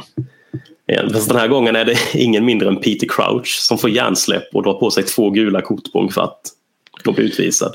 Han är gassa övertänd på något sätt där också om man säger så. Ja. Mm. Det är väl enda liknelsen man kan dra mellan Paul Gascoigne och Peter Crouch.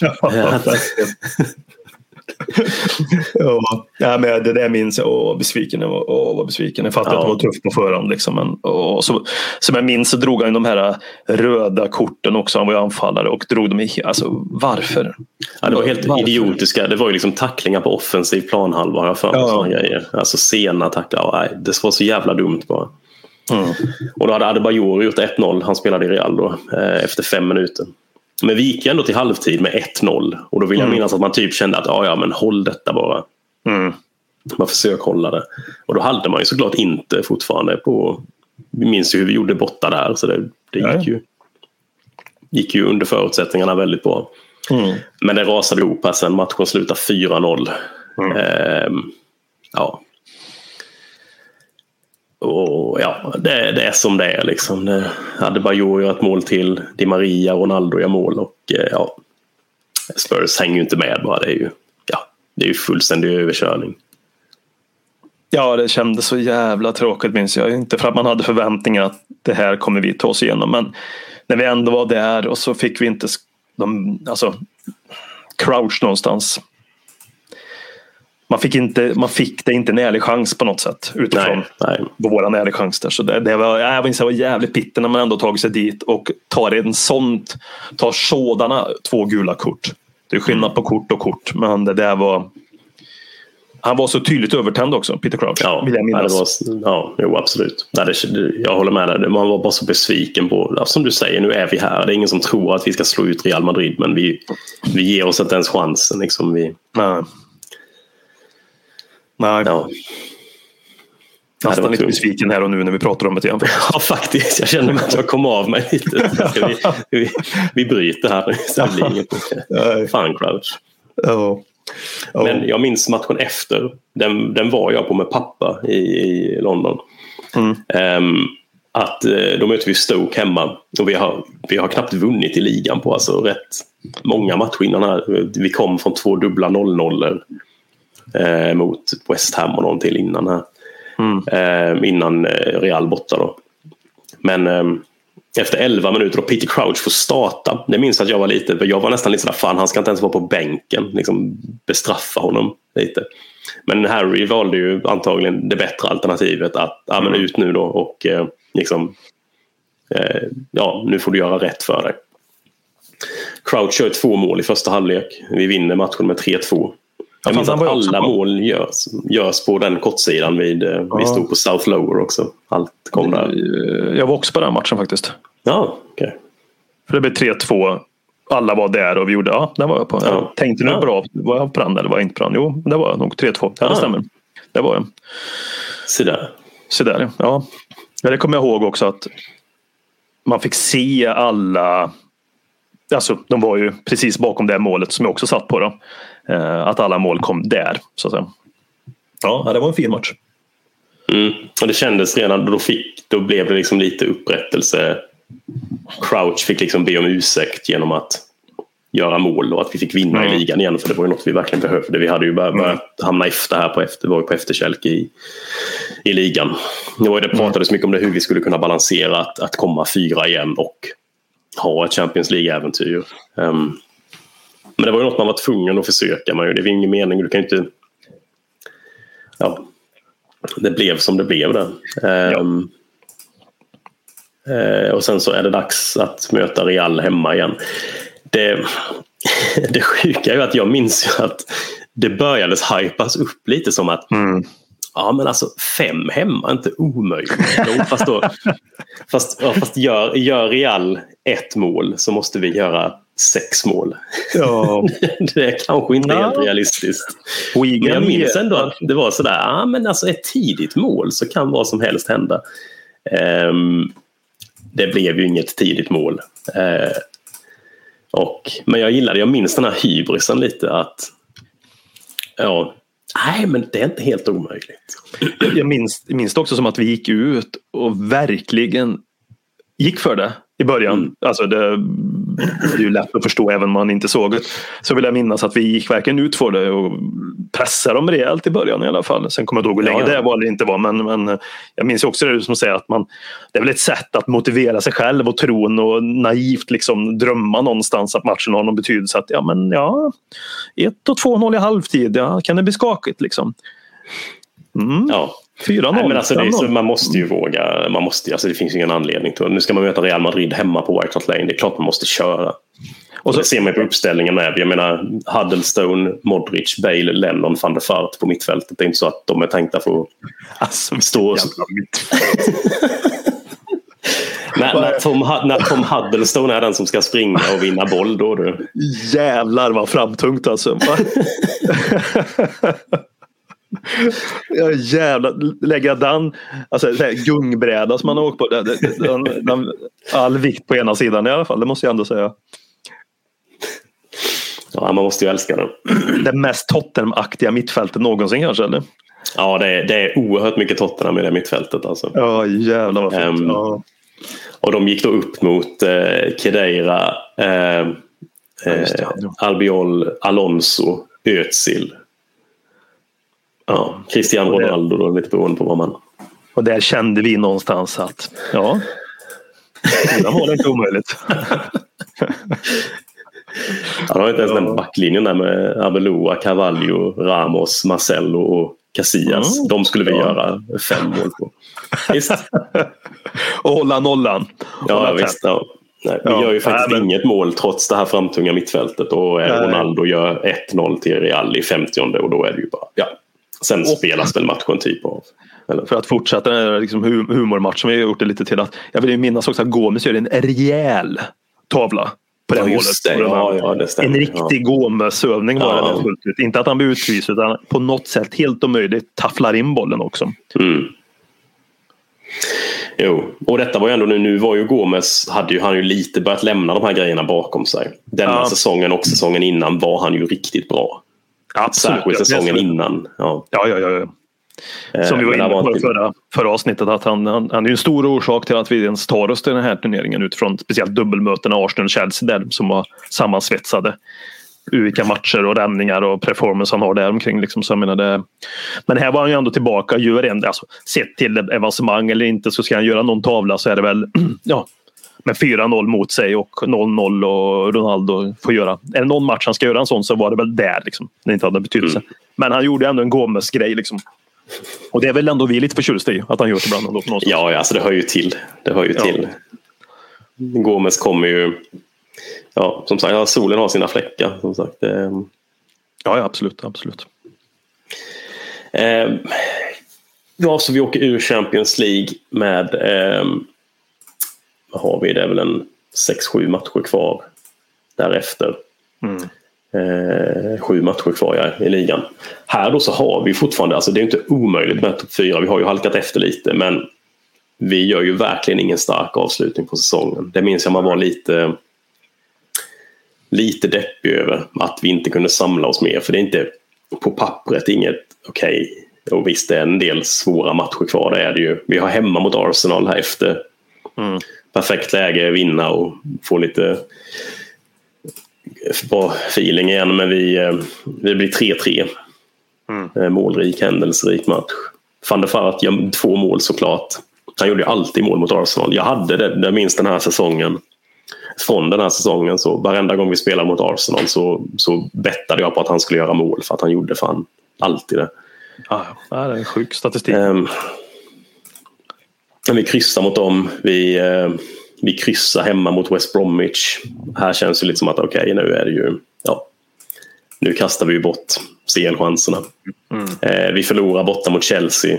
Vi kryssar hemma mot Blackpool. Jag menar kolla, kryss hemma mot Arsenal, West Ham och Blackpool på tre är, veckor. Och är det då hemma mot Blackpool som Gomes också är Gomes fullt ut? Han räddar straff. Bollen går till hörna på hörnan så kommer han ut ovanligt långt. Kör över en Blackpool-spelare igen direkt ja, efter. Och det blir straff och mål ja. då istället. Ja det stämmer. Det är Charlie Adams som gör mål på straff. Ja. Och sen kvitterade Foe i slutminuten. Ja. ja. Det mest episka Gomes-ögonblicket någonsin tror jag. ja. Han, han var för fin. Alltså. Ja. Efter det så torskar vi borta mot Manchester City. Mm. Vi vinner borta mot Liverpool 2-0. Vi minns van der Fart och Modric tror jag det som gör målen. Just, ja. Just. Eh, och vi vinner hemma mot Birmingham i sista matchen. Mm. Men eh, ja, alltså från februari egentligen. Efter att ha haft satans fin form egentligen från typ november, december, januari i alla turneringar. Bortsett från FA-cupen som vi åkte i. Eh, så vinner vi liksom tre stycken från Eh, från den 12 februari så vinner vi tre ligamatcher. Och vi, det är ju väldigt många hemmamatcher som vi kryssar mot alltså lag vi borde kunna. Vi kryssar mot West Ham, kryssar mot West Bromwich, vi kryssar mot Blackpool. Mm. Och, vi hamnar, och vi hamnar ändå bara sex poäng efter Arsenal som slutar fyra. Ja, det och det gör vi på 62 poäng. Vi ska ju egentligen vara mycket längre ifrån en Champions League-plats ja. än vad vi är. Men... Och det minns jag, man, jag minns att jag tyckte det var mycket, att en del handlade om att truppen vi hade ändå var lite undanvänd. Att vår starkaste elva användes väldigt ofta i matcherna och att det var lite att de andra fick spela i när vi inte brydde oss så mycket. Mm, ja. Och att det märktes lite för att de, vi hade en 11 eller kanske 12-13 spelare som funkade väldigt bra. De andra hade inte riktigt en roll att komma in där och det blev väl ännu tydligare säsongen efter. Ja, han, förs han, försökte någonstans Rednap där i början på säsongen, som vi sa mot Young Boys, att rotera. Och det blev ju som det blev utifrån de eh, roterings... Alltså resultatet blev därefter. Det var väl också en av hans, eh, som också är så svårt, en av hans svår, alltså, svagaste delar som manager. Att, att hitta en balans där med att rotera på ett rätt sätt. Som, man behöver inte rotera ett helt lag för man roterar. Man kan ju rotera två spelare när man roterar från match till match och ha en ruljans på det sättet. Ja, det var det som var problemet tror jag. Att det var allt, näst, väldigt ofta nästan hela laget som roterades ja. i de matcherna istället för att då och då kanske låta Krancha få spela i ligan istället för någon annan. Ja, men ta ut Modric, ta in Kranjčar, även om Modric är ja. eller någon annan. Eller ta in eh, lite oftare istället för någon annan. Eller ja, mm. vad man nu gör, låta van der Waart vila en match och kanske spela inte fan vet jag, kanske en sån roll han har kunnat. Eller, ja, så mm. Vi hade ju en bredd också i, det här, i den här truppen, speciellt offensivt som vi har saknat ja. eh, i åtta år sedan dess, alltså i nutidshistorien. Då, så, att säga. så hade vi en bredd mm. offensivt när vi gick in i säsongen. Som, ja, men hade vi inte Defoe, Keen, van der Waart, Crouch, Pavlyuchenko. Ja. Så Johan dos Santos. Johan dos Santos. Det fanns ju fruktansvärt mycket alternativ offensivt. Liksom. Mm. Som borde ja, det gjorde det absolut. Ja, ja absolut. Um, och det var det lite jag känner här att detta blev. Vi, vi ska gå in på nästa säsong som kommer också. Men det, det var den största svagheten Redknapp hade. Och där slösade vi bort det. Um, som du, alltså, här fanns ju en bredd med mittfältet med liksom Jennas, Palacios, Modric, Huddlestone, Kranjčar, mm. Pienar. Alltså, där hade du kunnat rulla lite mer. Um, det kändes som att det var Huddlestone och Modric ofta. Sandro hade vi också. Ibland Palacios, ibland Jennas. Men ja, truppen användes lite, lite fel och det ser man väl. Jag menar när, när fjärdeplatsen går till ett lag på 68 poäng. Ja, jag tycker det hade man, vi, borde, hade, vi borde kunnat... Och, och det som hade behövts är liksom vunnit hemma mot Blackpool och Wigan. Så hade vi varit där. Långa poddar, långa poddar, långa poddar om Spurs. Så säsongen 2010-11 slutar vi femma då och då blir det ju inget Champions League säsongen efter utan Europa League istället. Hette mm. det fortfarande då. Ja. Eller, hade det blivit Europa League då gjorde hade det va? Ja, det, det vill jag minnas att det hade blivit. Europa League. och eh, den nästkommande säsongen den har väl en inledning där som det kanske bara är att just den här säsongen man minns så tydligt. Men dels är det ju snack om att Luka Modric ska vill till Chelsea. Mm, eh, och eh, det är ju väl liksom sommarens långkörare, lite som Kane var den här säsongen. Eller den här sommaren det är inte jättemycket vi får på plats egentligen när det ser till värvningar. Brad Friedel kom in gratis från Aston Villa. 40 år, gammal målvakt. Mm. Um, vilket då är lite oväntat kan jag tycka. Så Asset blir liksom spiken i kistan för Hurelio Gomes um, Tottenham-karriär. Um, Emanuel Adebayor kom in sent på lån eh, Scott Parker kom ju in. Från, eh, från West Ham för ett par miljoner. Just det. Eh, det är väl de värvningar i princip vi gör. Mm. Eh, händer inte jätte, jättemycket med truppen men eh, speciellt ja, egentligen alla de tre där Parker, Parker, mm. eh, Friedel och Adebayor är ju det är ju väldigt nyttiga nyförvärv för oss. Man ser ju det här också att vi har ju nästan, vi har ju väl egentligen bara typ um, um, Friedel på plats i de två första eh, ligamatcherna. Då åker vi på stryk med 3-0 borta mot United och sen förlorar vi med 5-1 borta mot Manchester, hemma mot Manchester City. Eh, det där, här, de här början, de här 5-6-1 förlusterna mot City, det kändes som vi hade ett gäng sådana. Mm. Men man ser det också på uppställningen vi kör borta mot mot United där vi har ett innermittfält som består av eh, Nico Kranjčar och Jake Livermore. Ja, och det, det, märks ju där att truppen inte är färdig eh, alls när säsongen ja, igång. Och att, att vissa inom citationstecken strejkar också. Jag menar, bort, mm. mm. som också påverkar. Och, ja, Tom Adelsson var väl skadad då kanske? Jag minns väl inte. Kan inte komma ja, han blev inbytt. Jag tror han hade varit lite, ja. mm. lite små, små skadad. Um, ja, men sen så kommer de här värvningarna in. Mm. Det känns som att man ska överleva augusti, bara få in det som kommer i slutet. Det var Parker och det var Adebayor. Adebayor var ju lån från City. Ja. Um, där de betalade väldigt mycket av hans lön har jag för mig. Så det var mm. rätt så bra deal för oss. Och det var väl inte bara att ta in Adebayor. Det var väl inte alla som... Ja, han hade ju sin koppling till en annan klubb. Och... Ja, han hade väl, väl eh, inte gjort... Alltså det han hade gjort till sin fördel var väl just hur han hade firat mot Arsenal när han spelade för Manchester City. Den, den var väl kanske ja, lite... Det, det, det, sminkade väl över det där lite grann. Ja, det, var inte, väl... det var inte till hans nackdel om vi säger så. Nej, han hade väl gjort sig till fienden till Arsenal. Det har du ju rätt i. Det var väl eh, inte till vår nackdel så att säga. Men eh, det var väl en spelare, utan att absolut gå in på den ramsan, som det sjöngs en del om och tycktes en del om. Ja, han spelade ja. Arsenal ur ett Tottenham-perspektiv. Han var ju utifrån att han var också, gjorde mycket mål så var han ju verkligen en fienden oftast i den startelvan som Arsenal ställde emot oss när han spelade. Ja. Så det var inte en i mängden i Arsenal som vi liksom, ja, Samer Nasseri eller någonting sånt där, utan det var ju utpekat han vi hade på ja, siktet på ett annat sätt också. Ja, absolut.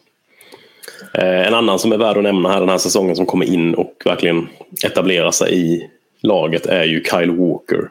Som eh, har varit utlånad till Sheffield. Han köptes ju in säsongen innan väl. Mm. Tillsammans med Norton men lånades tillbaka till Sheffield. Eh, mm. Men här går han ju in och blir första val på högerbacken. Han spelar ju väldigt, väldigt mycket den här säsongen. Mm. Um, USA med lite etablerade namn också. Under här. Du kanske skulle komma till det. med eh, spelare ut så här under, under august, augustifönstret som är vill jag minnas att vi gjorde i alla fall. Att det försvann några etablerade tunga pjäser som Crouch och Palacios. Och mm, stämmer. Ja. Och Roman, ja, det var väl senare Pavlyuchenko kanske. Och Robbie Keane såldes ju på riktigt nu en gång för mm. alla. Och, ja. Ja, Crouch försvann ju där när Adebayor kom in. Det gick rätt snabbt minns jag. Han gick till, ja. till Stoke då. Eh, jag minns att jag var rätt förvånad över för jag, ja, man trodde liksom att Harry och Crouch var så, så tajta att de skulle hänga ihop. Liksom. Um, och att någon annan skulle få ge, få ge sig av. Ja, det försvann ju mycket rutin från laget. Alltså spelare som var etablerade ja. och hade spelat en del också. Så det var ju som Pavlyuchenko hade gjort sin beskärda del av mål. mål. Jag fattar att han kanske ville ha en uh, större framträdande roll i ett fotbollslag. Så det var ju ett par uh, säga, truppmässigt och startmässigt ett par tunga namn som vi valde då. Inte som vi var tvungna till att sälja men som vi valde till att sälja. Liksom. Pavlyuchenko var kvar över sommaren men han drog senare. Men han användes ju inte alls mycket. Om man jämför med säsong Champions League-säsongen så spelade han ju mycket den säsongen. Han var ju inblandad ja. i många av de här matcherna. Ja, men precis. Eh, det var ju han och Crouch i princip som, som alternerade på topp. Och sen ja. Defoe lite då och då. Ja, men... Defoe kom ju snarare mer in denna säsongen. Mm. Eh, han var lite mer eh, i skymundan under Champions League-säsongen men var mycket mer inblandad. Mm. Denna han gjorde liksom 17 mål tror jag. Det var bara Adebayor som gjorde fler mål än Defoe. Ja, ja, det är fint. Det är fint. Eh, men så då när, när, laget har kommit på plats um, så vinner vi borta mot uh, Wolverhampton med 2-0. Det är ju Adebayor som gör första målet, Defoe gör andra målet. Mm. Det var faktiskt en ganska vanlig kombo på topp. Om förra säsongen var mycket Crouch och van der Fart så var denna säsongen ganska mycket Defoe och Adebayor. Mm. Ibland Adebayor och van der Fart såklart också. Mm. Um, och Modric ja, får stanna. Livi vägrar sälja honom till Chelsea. Det var ju Chelsea som var det stora um, ja, stora uh, ryktet hela sommaren men det blir ingenting av det. Uh, och han spelar väl igen först mot Liverpool den 18 september. Uh, det säger väl en del. Det är liksom, ligan börjar ju i augusti. Han var ju knappt inblandad förrän 18 september. Nej. Då han ju gör mål mot Liverpool när vi slår dem med 4-0 på hemmaplan. Mm. Um, Mål av Modric, Defoe, Adebayor gånger två. Eh, och här började det verkligen ta fart den här säsongen efter de här segrarna mot Wolves och Liverpool. Eh, det känns som att den, den startelvan vi kan ha här är jävligt stark. Den starkaste vi har det är väl liksom Friedel, Walker, King, Dawson eller Kabul. Kabul har jag för mig var jävligt bra. Var det inte denna säsongen? Han var, han var, det var hans peak någonstans. Ja, men sen skadade han sig eh, någon gång här, om det var under denna säsongen eller säsongen mm. efter och där kom han aldrig tillbaka sen riktigt. Men att det fanns just King Kabul var en jävla fin duo också. Mm. Mm. Um, väldigt atletisk Kabul vill jag minnas. Ja, ja, ja, ja, han funkade väldigt bra där med King. Um, och Ekotto. Och sen hade vi Scott Parker som sprang, alltså sprang defensivt på mittfältet. Och sen hade vi Lennon, van der Fart, Modric, Bale. Det är alltså den här. Det är bra. Det är bra. Det är, bra. Det är väldigt, att, väldigt bra. Jag förstod att vi spelade därefter också under den här hösten och som vi kommer komma in på. Alltså. Men Parker var ju. Det var ju verkligen någonting som vi inte har haft tidigare under Harena. Ja. Eh, det var en pusselbit som, som gjorde det som gjorde Tottenham väldigt, väldigt mycket bättre. Liksom. Mm. Och att Parker var väldigt bra på den positionen och att det var en position som band ihop laget på ett annat sätt. Rent defensivt då. Ja, och eh, eh, han vann väl eh, månadens spelare, typ de första tre månaderna har jag för mig. Han ja, spelade i Tottenham. Jag tror det var det. Jag tror han tog den för september, oktober och november. Jag kan ha fel men jag har för mig att det var något sånt. Han vann ju säsongens spelare. Eh, fick han ju. Mm. Den här säsongen och eh, ja, nej, han var ja, oerhört bra. Som han lyfte. Han var liksom Mr Reliable där. Ja, ja verkligen. verkligen. Rakryggad och elegant. Ja, verkligen. Så han gjorde sina lilla piruetter på mitten. Han sprang runt i cirklar. Oklart vad det var som pågick men, men eh, det funkade ju. Absolut. Alltid nedstoppad tröja också. Mm. Ja, ja. Nej, nej, han var... Var... klädd så att säga. Alltså, även där, det, det är ordning. Det ska inte sticka ut något utan det är välkammat. Det, det är otatuerat, det är nerstoppat och det är liksom åtstramat på alla sätt. Det var, ja. Nej, det är ju det. Alltså, Parker kunde ju sett ut som han gjorde när han spelade för oss den här säsongen och om det, om det hade varit en svartvit bild utan reklam på tröjan så hade den kunnat vara från 50-talet. Liksom ingen hade blivit förvånad om det hade varit, ja här är Scott Parker, han spelade för Tottenham-laget som vann ligan 51. Ja, ja okej, jo men det ser ut som det. ja, ja, ja bra, bra jämförelse.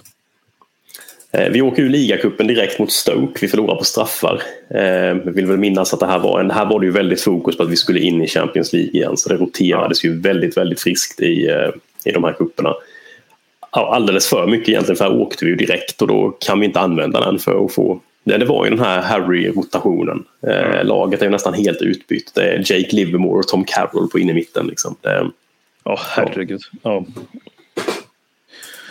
Eh, det, det, går som det går. Eh, men i ligan så går vi fantastiskt starkt här. Vi vinner mot Wigan, vi vinner mot Arsenal, kryssar Newcastle, vinner mot Blackburn, vinner mot QPR, Vinner mot Fulham, vinner mot Villa, vinner mot West Bromwich. Det är väl här vi har nio. Jag tror det är här vi vann nio ligamatcher i rad. Och vi ligger ju topp av Premier League här. Vi toppar ju tabellen med detta laget. Vi, liksom, hösten här, 2011, så vi, ja, vi är ju liksom fan ligans bästa lag. Alltså ja. Och som du säger, inte bara för att vi ligger rätta utan vi är ja, vi spelar bra. Mm. Och det är väldigt, väldigt ofta samma elva som spelar med i ligan. Det är mm. liksom Ekotto, vi har Friedel i mål, Ekotto, Kabul, King, Walker, Bale, Lennon, Modric, Parker, van der Fart, Adebayor. Det som väl varierar lite är van der Fart och Defoe. Ja. Jag minns också det... den här säsongen att detta är säsongen då vi då och då testar experimentet att spela van der Fart som högerytter. eh, istället för Lennon. Eh, om, då, om vi då ska ha in Defoe och Adebayor på topp. Mm. Som väl funkar då uppenbarligen. I en del av matcherna funkar det ju men i matcherna där det behöver springas lite på den kanten så blir det väl. Men där hade han ju då fördelen av att han hade Kyle Walker som sprang upp och ner som en Duracell-kanin. Mm. Um, Ja, men detta nej. var ju, här minns jag med att man trodde verkligen att liksom, detta laget kan ju vinna ligan. Det är första gången man har trott det på allvar. Skulle jag säga under min tid som... Alltså att laget var bra. Den här elvan är bra nog att vi kan slå vilka som helst i ligan. Och göra Ja. det ordentligt. Det, det, ja, absolut. Jag minns också eh, när vi kom lite längre fram där att jag verkligen började tro på det här och eh, kände att det här kan gå. Liksom. Det här kan gå på riktigt. Just för att vi kunde så väl välja att fokusera på ligan på ett annat sätt om vi ville. Vi kunde prioritera Ja. utifrån, ja, men vi kan, har vi chans att vinna ligan, ja, men då kan man ju prioritera bort alla andra turneringar och det känns rimligt. Det, det, det köper vi alla, eller till och med två cupvurmare som du och jag tyckte att det var ett, ett, rimligt prioriteringstagande där och då. Så nej, den, jag menar, nio raka, bara nio raka Ja, segrar. jag har för mig det var nio raka vinster eh, under hösten. Jag, jag, jag har ju aldrig upplevt det innan eller efter att vi har gjort det i ligan. Liksom. Nej, alltså från det att vi förlorar med 5-1 hemma mot Manchester City den 28 augusti så kommer nästa förlust i ligan kommer 11 december borta mot Stoke med 2-1. Så det är två och en halv månad obesegrade i ligan. Ja. Och därefter så går det till 22 januari innan vi förlorar i ligan. Då är det borta mot City. Vi kommer till den matchen för det är en Oj, oj, oj. Ja, den är hemsk. tung match. Ehm, jag menar, när man tittar här på ligan, liksom i december, januari, det vi spöar Sunderland, kryssar, kryssar mot Chelsea, vinner mot Norwich, vinner mot West Brom, vinner mot Everton, kryssar mot Wolves, vinner mot Watford, vinner mot Wigan, kryssar borta mot Liverpool. Och den matchen minns jag med så jävla tydligt. Scott Parker, det är fan en av hans bästa matcher tror jag i Tottenham. Borta mot Liverpool intervjun efter matchen. Han är helt slut. Jag har för mig han står, jag tror han står med Michael Dawson i intervjun. Jag är inte helt säker på vem de andra är. Men eh, för i slutet på matchen så har, har Parker fått en boll mellan benen och bara sjunkit ihop. Och man märker att han är fortfarande helt slut från detta. Liksom, han står och typ bara försöker andas och göra den här intervjun. Han är verkligen helt slutkörd. Den ska man försöka hitta sen efter, tänker jag nu. Ja, ja, det, det måste vi. Jag minns det så jävla väl. Han såg helt liksom, ja, Mm. liksom ögonen, man såg det på ögonen på honom. Liksom, han vet knappt vad han är. Han har lämnat allt på planen. Ja, jävlar. Och det som är lite...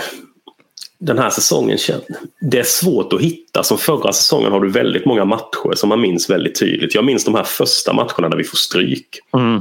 Och sen minns jag Wolves-matchen också, just att här vann vi och det såg helt annorlunda ut. För nu var liksom laget på plats. Alla de hade ramlat in sista, sista veckan egentligen av transferfönstret. Men sen är vi som en maskin som bara tuggar på. Det är inga så jätte, jätteextraordinära matcher. Vi vinner med liksom 2-0, 1-0, 3-1. Ja, Nej, men vi är det du säger, det gäller bara. För jag kommer också ihåg Wolves-matchen i synnerhet utav de här som vi pratar om för av den anledningen. Nu har vi lag på plats. Eh, men det tuggas liksom som ett mästarlag gör liksom nästan att vi, vi vinner. Vi bara vinner matcherna för att vi har kvaliteten och vi hade en, eh, en annan... Defensiven satt ju på det liksom på ett annat sätt än den brukade göra också. Så att säga. Det var inte de här hjärnsläppen som vi pratade om säsongen innan under här Rednap när vi var åttonde, var tionde match så blev det 4-0 i röven och utvisningar. Och, mm, eh, ja. Utan det var liksom, jag, jag tror mycket av den här pusselbiten med, med eh, ja, men laget var samspelt. De hade spelat mittfältet i synnerhet, hade spelat en hel säsong ihop innan och var samspelt. Backlinjen i sig såg till stora delar likadan ut. Och Scott Parker. Det går inte nog att liksom understryka hans roll för laget, liksom, tror jag. Att det skulle sitta. Vilken keyvärvning det var den här säsongen. ja absolut. Adebayor på topp med var väldigt bra den här säsongen. Det var en Ja, nivå upp alltså, av det vi hade haft där innan. Han var väldigt, väldigt, väldigt bra. Vi får väl ge honom det i alla fall. Ja. Ehm, och det, är liksom, det tuggar ändå på. Visst, vi torskade. Och sen var det just det här 22 januari. Då minns jag att vi var i topp väl, och City var tvåa. Det- Jag tror det var City, det var vi och det var Liverpool väl? Ja, jag var kommer ihåg att. City var där uppe med oss i alla fall, det minns jag. Ja, eller nej, det var United var det nog. det, Liverpool ja. var, hamnade rätt långt. Det var nog City, United och, och, och Tottenham som var med. Det var vi tre upp i toppen. Borta mot City. Ehm, Jag tror det var något sånt här att om, om vi vann så hade vi fått lite avstånd till dem. Om de vann så gick de om oss. Jag tror det var bara någon poäng emellan. Eh, de gör eh, 1 och 2-0 ganska snabbt i andra halvlek, så 0-0 i halvtid. Vi kvitterar snabbt genom Defoe och Bale. Ja. Och sen i, eh, i 90 minuten så får de en straff som Balotelli slår in. En Balotelli som inte borde vara kvar på planen för han trampade på Scott Parker under Mm. matchen. Men eh, fick ju... Jag vet inte ens om han blev varnad för det. Men han, alltså han skulle Nej, ha blivit. Han, han gick Ja. uppenbarligen på Parker. Alltså Ja, ja. trampade på honom. Ja. Eh, stämpla säger man ju. Men eh, ja. det var så mycket. Här gick det ju luft alltså ur. Ja, men det, är så många moment i den här matchen också. Det, alltså jag minns, vi, du, du frågade mig vart jag rangordnade när vi pratade om Inter där, The Rednap. Då kan jag fråga dig, vad rangordnar du den här matchen utifrån det andra spektrat? Alltså denna är så jävla tung. Egentligen så är det ju inte... Alltså om man på pappret ser, okej, vi, vi City och United låg i topp av ligan. En uddamålsförlust borta mot City. Ja, ja, det är inte hela världen. Nej. Fast det, är, det, det har så mycket annat i den att vi tar igen den här 2-0 underläget så snabbt. Det är ju en sekvens där Defoe missar bollen med, alltså det är ju centimeter ifrån när han. Det är väl innan Balotelli gör 3-2 också. Ja. Hade han Så varit vi- lite, lite längre liksom? Eller Ja, lite längre ja, fram? Alltså det är Alltså, inte, Defoe gör åh. inget fel, men vi har, vi har en, en sekvens där, jag kommer inte ihåg vem det är som slår in bollen, men bollen rullar liksom precis, precis förbi Defoe som har öppet mål att Ja. peta in den. Och alltså då hade vi ju vunnit den matchen. Och då Och han hade vi vräker sig väl? Ja, Ja, ja. Han vräker Alltså, sig väl fram liksom också. All heder till Defoe, han gör ju allt han kan för att nå bollen. Men det är liksom att han kan bara inte nå den. Oh, fy fan, jag mår dåligt bara av att prata Ja, om det nu. Alltså. Ja, det liksom kryper i hela kroppen. Det är som det här. Ja, Det är en av de värre förluster för mig alltså, i Premier League. Mm. Det är alltså för det, inte, du var inne på det spåret jag också kände innan matchen. att Ja, vi mötte City borta. City hade steppat upp och hade alla de stjärnspelarna de hade utifrån då. Uddamålsförlust mot City innan matchen. Ja, ja. Men det är väl ändå en match man kan räkna med att kan förlora liksom någonstans och ändå vara med i racet och lite, och bockat av dem liksom för säsongen. Mm. Men det är sättet. Det är sättet. Det är sättet liksom. Mm. Vi kommer ikapp. Defoe bränner den. Balotelli ska vara utvisad. Kings början på slutet också någonstans är här som jag vill minnas. Alltså att det var Mm. här någonstans början på slutet utifrån prestationen han hade. Han började vackla efter detta. Mm.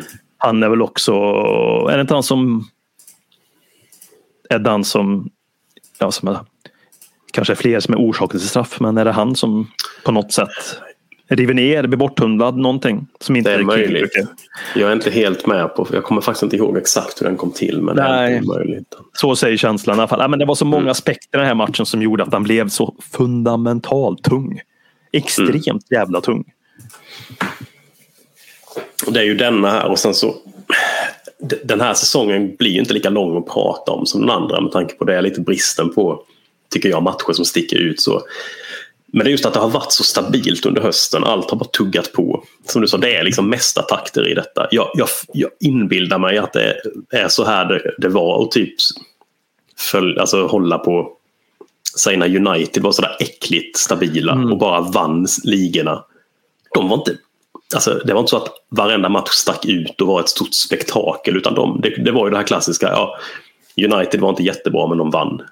Mm. Det var typ så vi var. Mm. Fast vi var lite, vi var ju mer spännande. Vi, vi var ju rätt roliga att kolla på. Vi hade ju kvar, vi hade ju kvar lirarna liksom, Mm. i laget. Men den här matchen i kombination med att det är ju här det börjar ryktas om att Redknapp ska ta över landslaget. Och det börjar ju, det blir ju liv i det här kring hans eh, Redknapp utreds ju för skattefusk. Eh, eller att han ska ha undvikit att betala skatt på någon bonus han ska ha fått från, jag tror det är den före detta sportchefen i Portsmouth eh, som ska ha betalat in någon bonus till honom i ett, till ett utländskt konto i typ Monaco. Mm. Eh, och det bör dra igång nu också. Så, men just efter City så vi vinner i FA-cupen, vi vinner mot Wigan, kryssar borta mot Liverpool, det är den matchen där med Scott Parker är briljant. Och sen minns jag matchen efter där också, 5-0 hemma mot Newcastle. Eh, det är ju när eh, Redknapp är väl inte med på arenan tror jag. Eller är han? Nej, han är med, men det är här det verkligen har börjat skrivas om, hans, mm. om utredningen kring honom. Det är ju även då eh, eh, vad fan är det? Jag kommer inte ihåg vad de sjöng om Redknapp men det var något i stil med typ He pays tax when he wants, Harry Redknapp, he pays tax when he wants, något sånt. Ja. Eh, och eh, vi krossade Newcastle där och då kändes det som, jo men fan vi är, vi är tillbaka ändå. Louis Sahar gjorde fyra mål och Adbayor gjorde väl ett mål och fyra assist har jag för mig. Ja, han kom in här i januarifönstret. Det var ju, ja. Det är det omtalade fönstret det här. Ja. Är inte det mest omtalade vi jo. borde tagit vara på tillfället fönstret och så ja. får vi nästan två spelare som provocerar mer att vi får än att inte få någon på ett sätt. Ja. Nej, vi, eh, vi är ju med i titelstriden och i, vad gör vi då i januari? Jo, vi plockar, vi köper väl liksom ut Ryan Nelson från hans kontrakt med Blackburn. Och samma sak med Louis Zaha från Everton. Ja, alltså, vi som kan vår historia och de som minns Ryan Nelson som jag tyckte var en jävligt bra back i Blackburn. Men den tiden hade ju passerat honom lite. Det är viktigt att mm. påpeka. Han var väl inte dålig men det var inte hans peak. Det var inte så att vi värvade Ryan Nelson utifrån hans prime utan här värvade vi Ryan Nelson Ja, säkert med jättemycket ledaregenskaper. Det är väl ingen snack om den saken. Eh, I synnerhet kan jag tänka mig som kapten i Nya Zeeland och mångårig Premier League-spelare. Men han hade ju absolut passerat och det är ingen spelare som går in och förstärker vår elva. Nej. Och inte Zaha på någonstans heller. Det är liksom det är sådana värvningar Random kanske gjorde mer när han var i Pompey. Det här. I mm. sådana fall. Mm. Utifrån jag tror inte riktigt heller att det är Harry Redknapps värvningar utan att det är han. Ja. Nej, nej, gud nej. Nej, det är jag helt enig med om. Jag bara, det är ju nog en, en ja, Daniel Levy, Joe Lewis och alla de som satt på finanserna borde ha steppat upp på ett helt annat sätt med fast i hand. Utöver ja. Trump där. Det jag ska korrigera mig här. Zaha gjorde inte fyra mål, han gjorde två mål mot Newcastle. Men Adebayor gjorde fyra assist och ett ja. mål. Det var Adebayor show i den matchen. Så var det. Ja. Men det, det, det, är också en sak som är bitter. Bara liksom, just den, den transfer, när man vet facit på säsongen. Lite grann också. Mm. Det finns flera saker under den här våren som jag är otroligt... känns som att ja, allt från FA till uh, värvningarna och ja, framförallt FA har jag ett stort horn till uh, under den här våren. Hur de hanterar och hur media också hanterar och hetsjaktar och skapar oro i Tottenham-läge nästan. Liksom, som jag tror mm. påverkar oss också. Ja, dels är det då de här ryktena med att Harry ska till, ta över England. Harry dementerar ju inte det heller. Alltså, Nej. Det är ju uppenbart att alltså, ja, han vill. Han vill. Det är klart det. han vill det. Ja, ja. Um, och nu sen kommer det lite sådana här att um, vi leder borta mot Arsenal med 2-0. Uh, efter 34 minuter. När det är halvtid så har Arsenal kvitterat 2-2 och i andra halvlek mm. kör de över oss. Vinner med 5-2. Mm, just det, just det. Matchen efter hemma mot Manchester United. Um, vi blir överkörda egentligen. Vi ligger under med 3-0. Defoe gör ett tröstmål i slutminuterna. Mm. Vi... Eh, ja, där, där, de två matcherna där så det, det tar ju död lite på titelförhoppningarna. Eh, särskilt så som de går till med. Alltså United är bara bättre än oss. Vi, mm. ja, vi hänger inte med där. Nej. Um, vi... Uh, ja, tugg. Alltså vi, vi, vi har svårt att vinna hemma. Vi kryssar hemma mot Stoke. Vi förlorar borta mot Everton. FA-cupen går ju bra. Vi hänger ju med där. Vi går ju, tar ju oss långt i den. Mm. Um, men i ligan då, så, så formen, ja, den havererar helt. Vi kryssar mot Sunderland. Kryssar borta mot Chelsea. Liksom. Vi, vi vinner inte nog. Vi börjar halka efter. Vi hänger ju inte med i toppen längre. Men nu är det ju ändå, ja, ja det blir ju topp fyra i alla fall, minns att man kände. Vi låg ju trea länge. Men det är liksom... Ja, nej. Det, de här matcherna, de här kryssen, det blir för mycket. Vi, vi halkar efter. Vi, men vi har ju, då har man ju ändå, för det minns jag, men här började man samla sig kring FA-cupen. Vi var i semifinal i FA-cupen, skulle möta Chelsea. Eh, det är mycket deppiga matcher om man kommer ihåg från den här säsongen.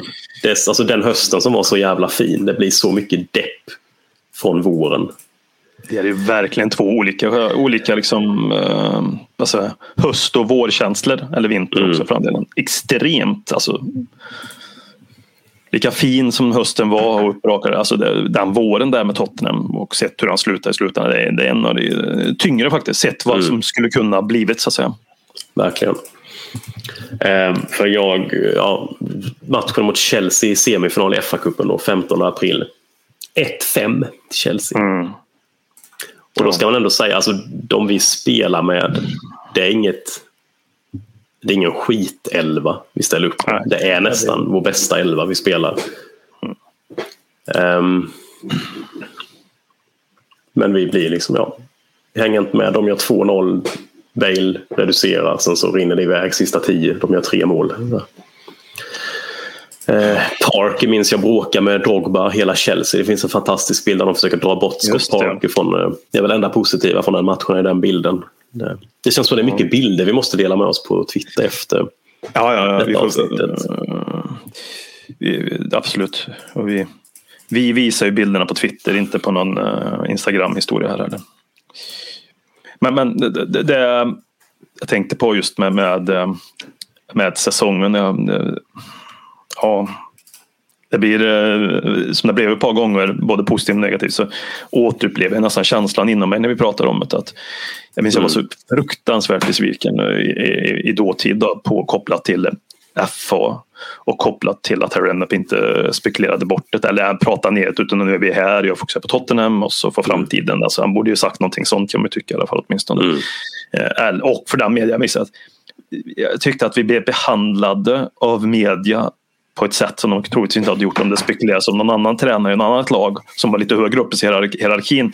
Det var, jag vill minnas att det var all gone blazing på Tottenham och Harry mm. och det skapades, jag är helt säker på det. Vi kanske inte hade vunnit ligan, det säger jag ingenting om. Men det skapades ju en disharmoni tror jag i, och en orolighet och vad som komma skulle och spelarna började se över sin egna bon. Vem ska vara tränare? Kommer jag vara kvar? Mm. Vad händer här? Jag tror att det där spelade stor orsak och då borde också Tottenham som klubbledning varit starkare i det läget. Liksom mm. vem det hade varit också. Och, och det, som jag minns det, det kanske var så, som, som var tydligare i kommunikationen utåt sett. Det här med, med soppan kring Harry Neps. Allt från eh, som, som rättsprocessen hade. Nu tror jag inte att den var den största orsaken till att vi rasade ihop. Jag tror att mer var det kopplat till FA, FA och allting det här. Liksom. Nej, det, rättsprocessen det, dessutom så eh, han blev ju friad från det. Han blev ju inte dömd för någonting. Utan... Nej, nej, nej, det var väl hans hund va? Eller? Ja, det var en sund. Ja, precis. Ehm, det, det, det, tycker jag är rimligt. Ja, men nej, men så, nej, jag, fan vad jag hade ett horn till eh, tabloider, FA, i synnerhet faktiskt de två aspekterna. Mm. Ja, och alltså på ett vis hade det nästan varit bättre för Tottenham tror jag att om Harry skulle, för sen så blev det så Harry tog ju inte mm. över landslaget. Det blev nej, ju nej. Roy. Var det Exakt. Ja. ja ehm, skulle han ha gjort det så skulle de bara fått det avklarat så alla hade vetat. Ja. Då hade man sagt okej, okay, Harry är kvar hos oss säsongen ut, sen tar han England. Efter Harry så kommer vi, vi leta eller sådär, vi har saker på gång. Och hade man haft den färdig då kunde man sagt det till spelarna så visste de vad det var som skulle komma. Då hade man liksom haft allt uppdukat. Harry vill nu avsluta med att vinna FA-cupen med Tottenham. Nu gör vi det. Mm. Men det blev liksom bara en utdragen skitprocess av det. Ja, men det var väl ovissheten som var största orsaken. Det var bättre att mm. veta att, att han hade gått som du säger än att inte veta någonting alls om något. Liksom, sådär. Så jag tycker att alla skötte det där. Eh, Harry Redknapp skötte det där tycker jag lite fikt. Mm. Um, med Fastian. Tottenham skötte det där passivt tidningstabliderna gick på oss nog till viss del för att vi var Tottenham hierarkiskt och att de inte möttes av tydligt motstånd. Och FA tyckte jag inte borde varit jävligt lite mer neutrala. Jag kommer inte ihåg om dem i den här aspekten också. Så nej, det där var... Mm. Nej, för FA är under FA. Man kan ju tycka att de borde kunna alltså, ha en vettig dialog med klubbarna i England. Ja. De är ju ändå... Ja, det det är inte så att de försöker plocka en manager från, en annan, från en, ett annat landslag utan det är inte så att Tottenham och FA är rivaler. Utan det hade, borde gått att sköta. Borde Får man, vara konspira- får man vara lite konspirationsteoretisk? Jag vet inte vilka som satt Ja. i FA då, vilka klubbtributer de hade. Om, om, om heter han? David Dean satt där då. Han som är Arsenal-gurun. Mm. Jag vet inte om han hade lämnat. Jo, det hade han gjort. Om han var med där och ville... Ja, Ingen aning, vi kan inte utesluta det i alla fall tänker jag. Vi måste ändå Nej. låta den eh, konspirationen få, få bubbla. Även om han hade lämnat så kanske han hade planterat folk där inne i organisationen som visste vad de skulle göra när det kom till, till Tottenham så att säga. ja, ja. ja. Det känns skönt att skylla på den linjen i alla fall. Det är ju den här veckan här när vi åker mot Chelsea med som innan det så har vi förlorat hemma mot Norwich med 1-2. Oh, Vi förlorar borta mot Queens Park Rangers efter med 1-0 och det här Ledley King blir skadad. Det är, det är väl det är Kings sista match i Tottenham. ja. Ja, den är så jävla deppig den bilden. Han är i den, den lila tredje dräkten är det väl. Eh, går av liksom. Han sitter typ ner med, eh, ja nej usch. Fan vilken mörk sång detta och det blir fan bara ännu värre. Det hade ju ett helvete säsongen också. Vi avslutar förvisso de fyra sista matcherna får man säga rätt bra. Här minns jag att jag tittade inte på någon av de här matcherna. Jag bodde i, i Göteborg då eftersom att det hade gått så skit i de här tre matcherna. Så varenda gång Tottenham spelade så gick jag ut på en två timmars promenad eller gjorde något helt annat. Jag ville inte veta hur det gick i matcherna. Jag ville bara gå in efteråt och kolla hur det hade gått. Jag vet en gång så är jag ute och går. Jag bodde, jag hade en lägenhet ute i, i eh, Västra Frölunda som jag delade med Micke. En, eh, Han håller på Arsenal då. Men han var väldigt respekt. Alltså han var jättebra. Han, han hetsade aldrig. Så han sa aldrig något heller. Men det var sådär, ja idag, nu ska Tottenham spela. Då tog jag på mig jackan. gick ut och bara gick i två timmar. Sen kom jag in igen och kollade.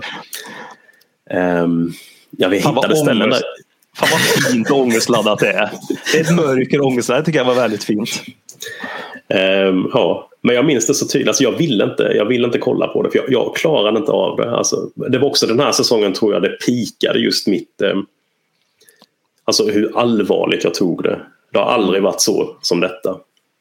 Men det var väl dels där. Dels hade man känn på, på ligan. Man kom ihåg Champions League från säsongen innan. Sen fick man vittring på FA-cupen. Det gick åt helvete. Då var det sådär, okej, men då måste vi bara tillbaka till Champions League igen. Så jag får uppleva det en gång till. Ehm, och klarar vi det, då kan vi liksom visa då hur hösten var. Då kan vi värva in med Harry. Han kan få plocka in um, spetsspelare. Det kommer bara bli Ja. bättre detta. Det kanske fanns en dröm om att Luka Modric någonstans utan vi visste vad de kom överens om. Kanske skulle stanna kvar också om vi var Mm. i Champions League. Mm. Liksom. Han var ju fundamental för vårt lag och på alla sätt. Liksom. Nej, Exakt, och uppenbarligen fungerade ju mina promenader om man ser till de här resultaten. Det är ju Villa borta, vi kryssar med 1-1 men sen, annars vinner vi mot Blackburn, Bolton och Fulham. Ja. Det räcker ju då till att vi hamnar fyra. Mm. Vilket man då tänker, ja, ah, Champions League, fixat. Mm. Vi är ett poäng efter Arsenal som slutar trea. Ett poäng. Så om vi hade vunnit mot Norwich, Queens Park Rangers, Sunderland, Villa, Stoke. Eh, vad fan har vi mer för några? Swansea. Newcastle. Hade vi vunnit en av de matcherna så hade vi varit trea och garanterade Champions League. Krävdes inte så mycket till då kan man ju tycka. För att nå Nej. den. Nej. Det var så många, och de flesta av de här matcherna är kryss också. Det är 0-0 eller 1-1. Ja, ja, ja, ja. Många av dem hemma. Men fyran, ja det blir ju kval i alla fall till Champions League säger ni. Icke. För Chelsea har slutat sexa. Men är i final i Champions League mot Bayern München. Och finalen går i München. ja, ja inte... Men om Chelsea vinner så får, så får Chelsea en plats i Champions League eftersom att de vinner Champions League. Mm. Men eftersom de, att de då inte har kvalificerat sig till Champions League via seriespelet innebär det att Tottenhams fjärde plats blir en Europa League-plats istället. Ja, ja, borta mot Chelsea var inte särskilt... Alltså de slutade sexa i ligan. Borta mot Bayern München med fan peak Ribéry och peak Robben. Ja, och, eh, ett Chelsea som snubblar sig vidare. Ja. Stolpe in, stolpe in, stolpe in. Alltså de hade varenda match vad vi hade mot Ajax borta 2019 typ. Alltså de var inte bra. De var inte bra. Det var en Roberto Di Matteo som tränare också. Det var ett trött Chelsea som på något jävla mirakulöst sätt gick vidare till den finalen. Så det fanns väl inte en parameter som talade för, förutom det här naturligtvis, stolpe in säsongen, att de skulle Mm. vinna borta mot Bayern München. Nej, nej. Men men, vad Eh, hände? Men då så var det så, eh, ja, för det var ju en stor grej detta med Tottenham, eh, det började dyka upp liksom massa Tottenham klubbemblem där man hade bakat in München-grejer för att liksom Spurs Mm. var ju, nu var man ju Bayern München. Ehm, och ja, ehm, ja, vad fan händer egentligen? Bra fråga. jo, det står 0-0 och i 83 minuten så gör Thomas Müller 1-0 till Bayern. Mm. Mm. Yes. Alltså det är så mörkt. Såklart. Såklart. Sju minuter från slutsignalen så tar München ledningen hemma. Stabila, trygga, disciplinerade Bayern München. Ja, alltså herregud, jag får fan ångest när jag tittar. Det här är, det här är tung, den här matchen. Alltså, är tung. Det är den tyngsta matchen som Tottenham inom situationstecken har förlorat. Ja, första halvleken så är skotten 13-2 till Münchens fördel. Andra halvlek 14-5 till Münchens fördel. Men i 88 minuten så kvitterar såklart Didier Drogba. Ja. Så att det går till förlängning, såklart. I förlängningen så är skottstatistiken 8-2 till Bayern München. De gör såklart inte mål, så det här går till straffar. Bränner de inte en straff också i förlängningen? Bayern München. Eh, det kanske de gör, jag gör de det. Eller minns jag fel? Jag för mig att de, att de fick en straff i förlängningen. Och att den bränns, ja naturligtvis då eftersom det inte blev någon mer mål i matchen. Eh, Bara för att addera på det här, eh, det här extrema misären som den här matchen hade med all... Jo, jo, det stämmer, det stämmer. Arjen Ja. Robben missade ju en straff. Exakt, lägg på- lägg på- Jävla gud, som att det inte var nog skit i den här. Åh, fy fan. Alltså den sammanlagda skottstatistiken väl nästan, utan att vi behöver räkna i eh, exakta siffran, 32-7 eller någonting i den stilen. Och 1-0 disciplinerat Tyskland och straff på övertid. Robben bränner. Ja, men det, det, det, det, ja, ja, ja, ja, ja. Jag stammar fram orden. Ja, så det går ju till straffar då. Lam gör såklart mål på första straffen. Mata bränner Chelseas första straff. Oh. Ja, men du hör ju bara det. Alltså, Tys- Tyskarna leder på straffar mot britter ja. I Tyskland. i Tyskland. eh, alltså, ja, vi skulle inte pratat om den här jävla matchen. Alltså, allt kommer tillbaka. De rullar på. München gör mål på sina två nästa straffar. Det gör Chelsea också. Sen så får Orlic och Schweinsteiger av alla för sig att de ska bränna sina straffar. Chelsea gör mål på sina och Chelsea vinner Champions League. Ja. Inte nog med det. Det innebär att Tottenham tappar sin Champions League-plats. Samma Tottenham som i januari, två, januari där 2012 slog som ligaseger. Mm. Tänkte att hur ska vi stärka vår push för att vinna ligatiteln? Jo, vi plockar såklart in Louis Saha och Ryan Nelson. Ja. Och Säljer FA, Redden. Ja, alltså det var... Alltså, du pratar om att du är ute, och gick de här sista fyra matcherna som jag tycker, den, det blev jag väldigt nyfiken på det där mörkret som fanns där och då. Det, det är något vackert. Och ångesten som måste ha varit enorm naturligtvis. Men hur kände du då efter det här och vart Ja. bevittnade du matchen? Det är ju så här, du vet, folk brukar fråga Um, vart var det 11 september 2001? Folk som är äldre. Vart var det liksom 20, 28 februari 1986? Mm. Alla vet vad man gjorde. Det är ju en sån här datum för en Tottenham-supporter. Jag kommer inte ihåg datumet men jag minns ju exakt vad jag gjorde, hur jag kände och hur jag reagerade liksom efter att uh, Bayern München förlorade mot Chelsea. Var, minns du din? Bara för att Mm, ladda på mm. lite mer. Jo, jag, jag, minns det, jag minns det. Jag såg matchen med eh, Micke som jag bodde med och Ingela som var uppe och hälsade på. Mm. En gammal, eh, gammal, hon är faktiskt Tottenham-supporter nu. Ja. Shoutout till Ingela från Helsingborg. Eh, hon bor i Helsingborg, hon är från, ja, eh, fan heter skitsamma.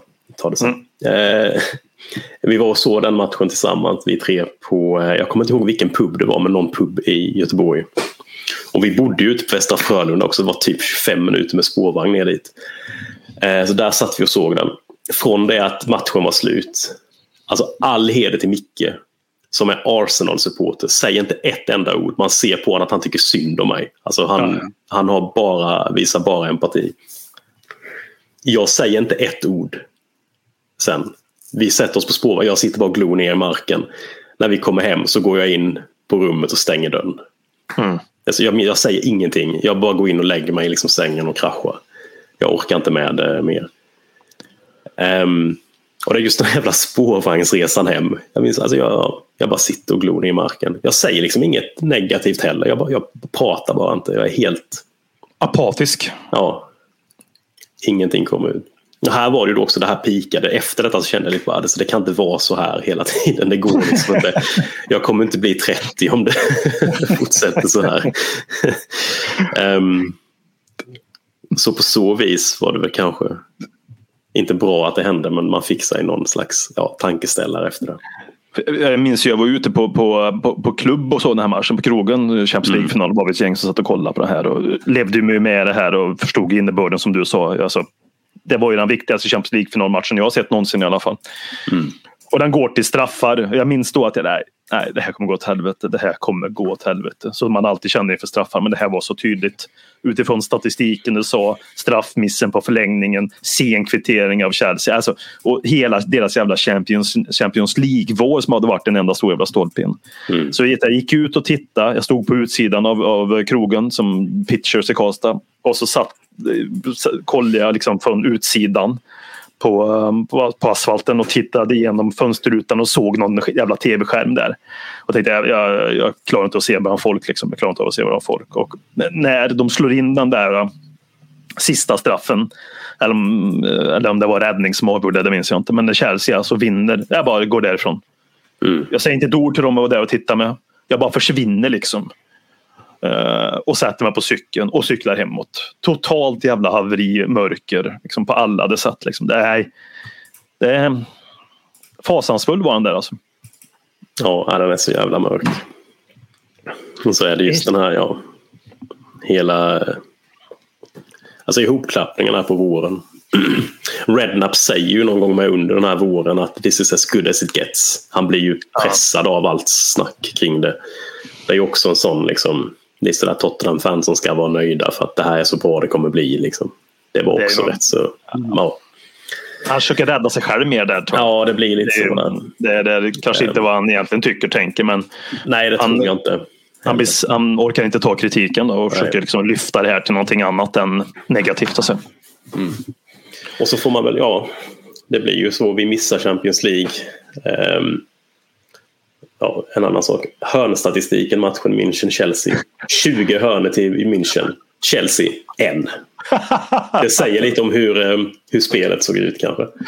Alltså det, ja, de flesta som lyssnar har väl ändå såg den här matchen antar jag. Mm. Men, men, eh, men de som inte har gjort den hoppas de får en känsla av hur jävla ja, fy fan, alltså, ojämn matchen var här.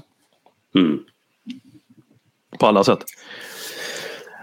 Ja, ja um, och efter detta då så eh, blir ju eh, Harry Redknapp sparkad från...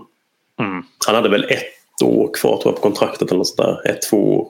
Mm. Eh, och eh, man hade ju pratat om det då under hösten när det gick så bra att man skulle försöka, eller då när FA-ryktena började komma också, att man skulle, skulle försöka ge honom ett nytt kontrakt så att han det gick ju inte då, men nu efteråt så började han bli sugen på det. Han har ju sagt i någon intervju efteråt att han trodde att det var det det skulle handla om när han blev inkallad till Livy. Men det var ju att han, han fick kicken helt enkelt. Ja. Um, och det, om vi nu ska försöka ja, alltså, sammanfatta Rednaps tid i klubben så det här blir, det blir ju väldigt besk smak efter den här våren. Allt gick emot oss liksom. Eh, allt gick ju emot honom. Han trodde ju antagligen att han skulle avsluta jättefint med Tottenham och sen ta över Englands landslag. Det blev kicken från Tottenham och ingen, mm inget landslag för honom. Eh, men jag måste ändå säga att när man, jag har väldigt varma känslor för Harry Redknapp ändå den här sista våren till trots. Eh, jag tycker nog han är en av våra mest underskattade tränare som vi har haft. Jag tror man glömmer lätt, man ser gärna på honom som en clown lite, en liksom någon cockney, eh, tok som bara säger halvkonstiga grejer och säger till spelarna att springa runt lite. Eh, det, det steget, alltså han tog det steget som Juan de Ramos mm. var tänkt att ta. Han tog det trots att nästan ingen trodde att han skulle göra det. Man trodde att man tog in honom för att han skulle rädda oss kvar den säsongen när vi höll på, fan på att åka ur. Mm. Um, att liksom ta ett lag, alltså oavsett vem som gör det och oavsett nästan med vilket lag de gör det, om att ta en klubb som ligger sist efter ändå åtta matcher i ligan till att inom ett par säsonger vara ute och ja, köra över Champions League-mästarna mm. i Champions League. Du gör ju något rätt. Um, det är min, så jag skulle säga alltså, om man ska ta någon skala 10 så är han ju en 9 skulle jag säga. Mm. Det är den här våren som är eh, våren och rotationerna. Det är minuset. Ja, ja, våren är ju definitivt, eh, och det är ju det enda min, men den är så stark liksom utifrån vad vi hade. Mm. Jag tyckte han skötte saker dåligt också, så att säga, utifrån uttalande och klubben och allting. Men det, det var inte enbart hans eh, enbart hans orsak till våren kan jag tycka. Utan det var andra faktorer ja, från andra ja. människor som påverkade också. Allt från backningen där i januari som var katastrof helt enkelt. Ja, absolut. Och till, eh, som jag minns det, då, som jag är väldigt inne på, det här FHs eh, plantering. Jag vill ändå tro det någonstans. Och, mm. och eh, tidningarnas extrema tjat om det här och satte liksom osämja i Tottenham. Och, ja. Men, men Rednams absoluta styrka som jag tycker, det var hans sätt att få för det, det, är lätt att minnas att så man kan tänka att vissa tänker att ja, men vi rabblat upp det här laget och tänker ja, men vem, vem kan inte lyckas med de här spelarna? Mm. Men ja, vi har väl haft hög potential på många spelare i nutid som inte lyckas och växla upp till deras, till deras max. Det var väl hans största styrka. Att han fick van der Waart som kom från bänken i Real Madrid och inte spelade på länge. Det var ju inte någon färdigblommad. Han kunde ju komma dit och fått en helt annan utgång i Tottenham. Han, han kom ju inte från ett Real Madrid där han hade spelat dag ut och dag in och kom i jätteform och jättesjälvförtroende. Men han fick han att växla upp. Han fick en Luka Modric att växla upp. Och nu visar ju hans karriär att han var bra, men han fick ju ändå lyckas i Tottenham. Han lyckades maximera liksom eh, de han trodde på, nu, så att säga. Mm. Här, hans lilla smala trupp då. Eh, att, att bli jättebra. Jag tror någonstans under resans gång vi pratat eh, alltså en Harry Redknapp-typ då kanske inte hade lyckats bättre med Tottenham tabellmässigt. Men eh, du vet, den vi har pratat om, en Dombele för att förstå ut. Jag tror att han skulle kunna få en sån Mm. Om han hade kommit Tottenham då, en Ndombele att vara Ndombele i Tottenham faktiskt. Mm. Det är väl någon, så som jag ser på honom. Det hade varit intressant att se, nu förstår jag Livis val att skicka Redknapp efter detta. Jag ja, kan faktiskt. förstå det. Ja. Eh, men det hade samtidigt varit intressant att se den truppen vi hade säsongen efter Redknapp blev sparkad. Att mm. se Redknapp ha den truppen. Mm en, en Rednap med Dembele, Gylfi. En Bale som flyger. Mm. Mm, det, hade, det, det, kunde absolut funnits något där. Absolut, absolut. Men eh, det var nog bra på många sätt. Brintiden hade nog runnit ut på något sätt. Det var nog dags, så var det, det absolut. Men eh, ja, det är väl det jag tycker är Rednaps styrka. Att hitta och maximera talla, alltså de här kanske svårhanterliga. Han har ju även lyckats med det i West Ham. Om man ska backa liksom, tiden där med Eyal Berkovic och Pablo Di Canio och de här spelarna. Så han har ju någonting där utifrån svårhanterliga spelare och van der Waart var väl inte Paolo Di Canio så svårhanterlig men han var ju inte jättelätt liksom. Det är ändå, han var ju holländare, lite lynnig och han hade ju ett stort ego som han har hört talas om ända från hans bråk med Zlatan där i Ajax-tiden och sånt där. Så, det är ändå det, det, som jag tycker är Harry Redknapps absolut största styrka. Liksom. Mm. Ja, 9 av 10 kanske är lite för högt, men säg en 8,5 då. Ja, men, Där någonstans landar han Jag är helt enig med dig som ur ett eh, historiskt perspektiv att han, han tog oss ju det snäppet som vi hade försökt under så många år att göra. Och då måste han ha respekt för det och förtjänar ett högt mm. betyg på grund av det. Och inte bara minnas sista fem månaderna. Liksom. Nej, och sen Livis agerande kring under Rednap-tiden får man väl... Att han plockar honom är ju jättebra. Men han plockar ju honom av en helt annan anledning än det han... Jag, jag hade inte varit jätteförvånad om liksom tanken initialt var att ah, ja, nu får Rednap in och rädda oss och sen så om någon säsong så byter vi ut honom igen. Eh, det är ju rätt uppenbart med tanke på backningen han fick i eh, ja, särskilt då den här sista säsongen, det är ju under all kritik alltså. Mm. Det, ehm, Och det märks ju någonstans så här, genomgående de tränarna vi har kommit igenom än så länge med Livi att, att det, han är ju inte det känns ju inte som att han tar den tränaren han tror på så lyckas den tränaren. Han är ju inte någon expert Nej. på att plocka tränare utan ibland blir det rätt. Och då är det, inte, då är det mer på grund av andra omständigheter som att det blir rätt. Alltså som med Joll och Santini som vi sa. Att, eller med Santini var ju hans, han fick gå. Joll Mm. var där för att eh, Arnesen ville ha honom. Det lyckades man, med Joll. ja. Ja. precis. Och det är ett genomgående tema här tycker jag. Liksom. Det, det, det träffas. Det, ja, det är väldigt, väldigt dålig träff. eh, Väldigt dålig ratio liksom, sett till 20 år. Så, ja. Jag vet inte vad man ska säga om Livis Rednap-epok. Kanske knappt godkänd nästan. Alltså just för hur... Nej, nej. Alltså, det är ju ett missat, en missad möjlighet i det. Det är en jättestor sån. Alltså han, han snubblar ju in på något som jag tror att han trodde att han plockade in. I Ja, hur Rednap utvecklade laget. Ja, ja. Det, när han tog den som du sa, det var inte för att nu ska Rednap vara nästa tränare som tar oss Nej. till the promised land. Utan nu ska han komma in, stabilisera skeppet, vara en bra truppbyggare och få resultat. Liksom. Och sen kommer någon annan mer, mer Tottenham-aktig, lite mer extraordinär, slog, slagkraftigt namn från, eh, från ja, sydkusten och kommer att ta oss vidare. Liksom. Så, eh, ja. Han vann på trist där lite grann. Den i livet sett vad som blev, mer än att han vann på hjärnan liksom. Utifrån vad han trodde. Men jag vill nästan, ja knappt godkänt. Han får väl godkänt bara för att på något sätt att Rednap gjorde bra resultat lite grann då kanske. Mm. Ja, jo. Det, det får vi väl Eller knappt det kan vi nog vara. Ja, kanske ja. Ja. ja. Han får, han får gravt underkänt sista halvåret. Um, Jag kan säga, liv- resten. Han kan få liv ungefär som i skolan. När jag gick i skolan var det betyg, betyg 1 till 5 man hade när jag gick i högstadiet. Back in the days. Och då, då fick man ju tvåa som då var typ någon form av godkänt etta. Var liksom, då var du Mm. knappt även. Då fick man tvåa oftast om man bara var närvarande liksom, i klassrummet. Okej. Och räckte upp handen. Och visade någon form får av. Det är väl typ den tvåan han får för mig. Han var närvarande livet. Så kan jag säga. Han får i, för att han var på matcherna.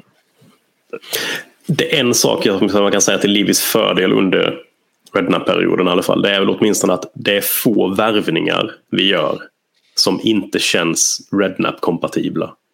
Mm, det var det riktigt. Det får han ändå ha. Att det är ändå det värvas mer för managern än vad det Sant. gör. Kanske. Det, det skulle jag nog ändå säga att det är ganska få. Som en sån här Adebayor, Scott Parker, Brad Friedel, Kranchar, Crouch. Kranchar, Crouch. Det är ju Rednap-värvningar. Han låter honom Ja. plocka ihop sin trupp. Det ska han ändå ha. För det har han haft svårare med tidigare och efteråt. Det har du alldeles riktigt i. Det har du faktiskt alldeles riktigt i. Ja. Men vi säger väl tvåan. Han var närvarande. ja det tycker jag är fint. Tycker jag är fint. Konsekvent, inkonsekvent Det bästa som någonsin hänt kommer aldrig bli dig själv igen min vän. Här flödar hybrisen. När vi poddar på nytt igen. Du kommer aldrig bli dig själv igen min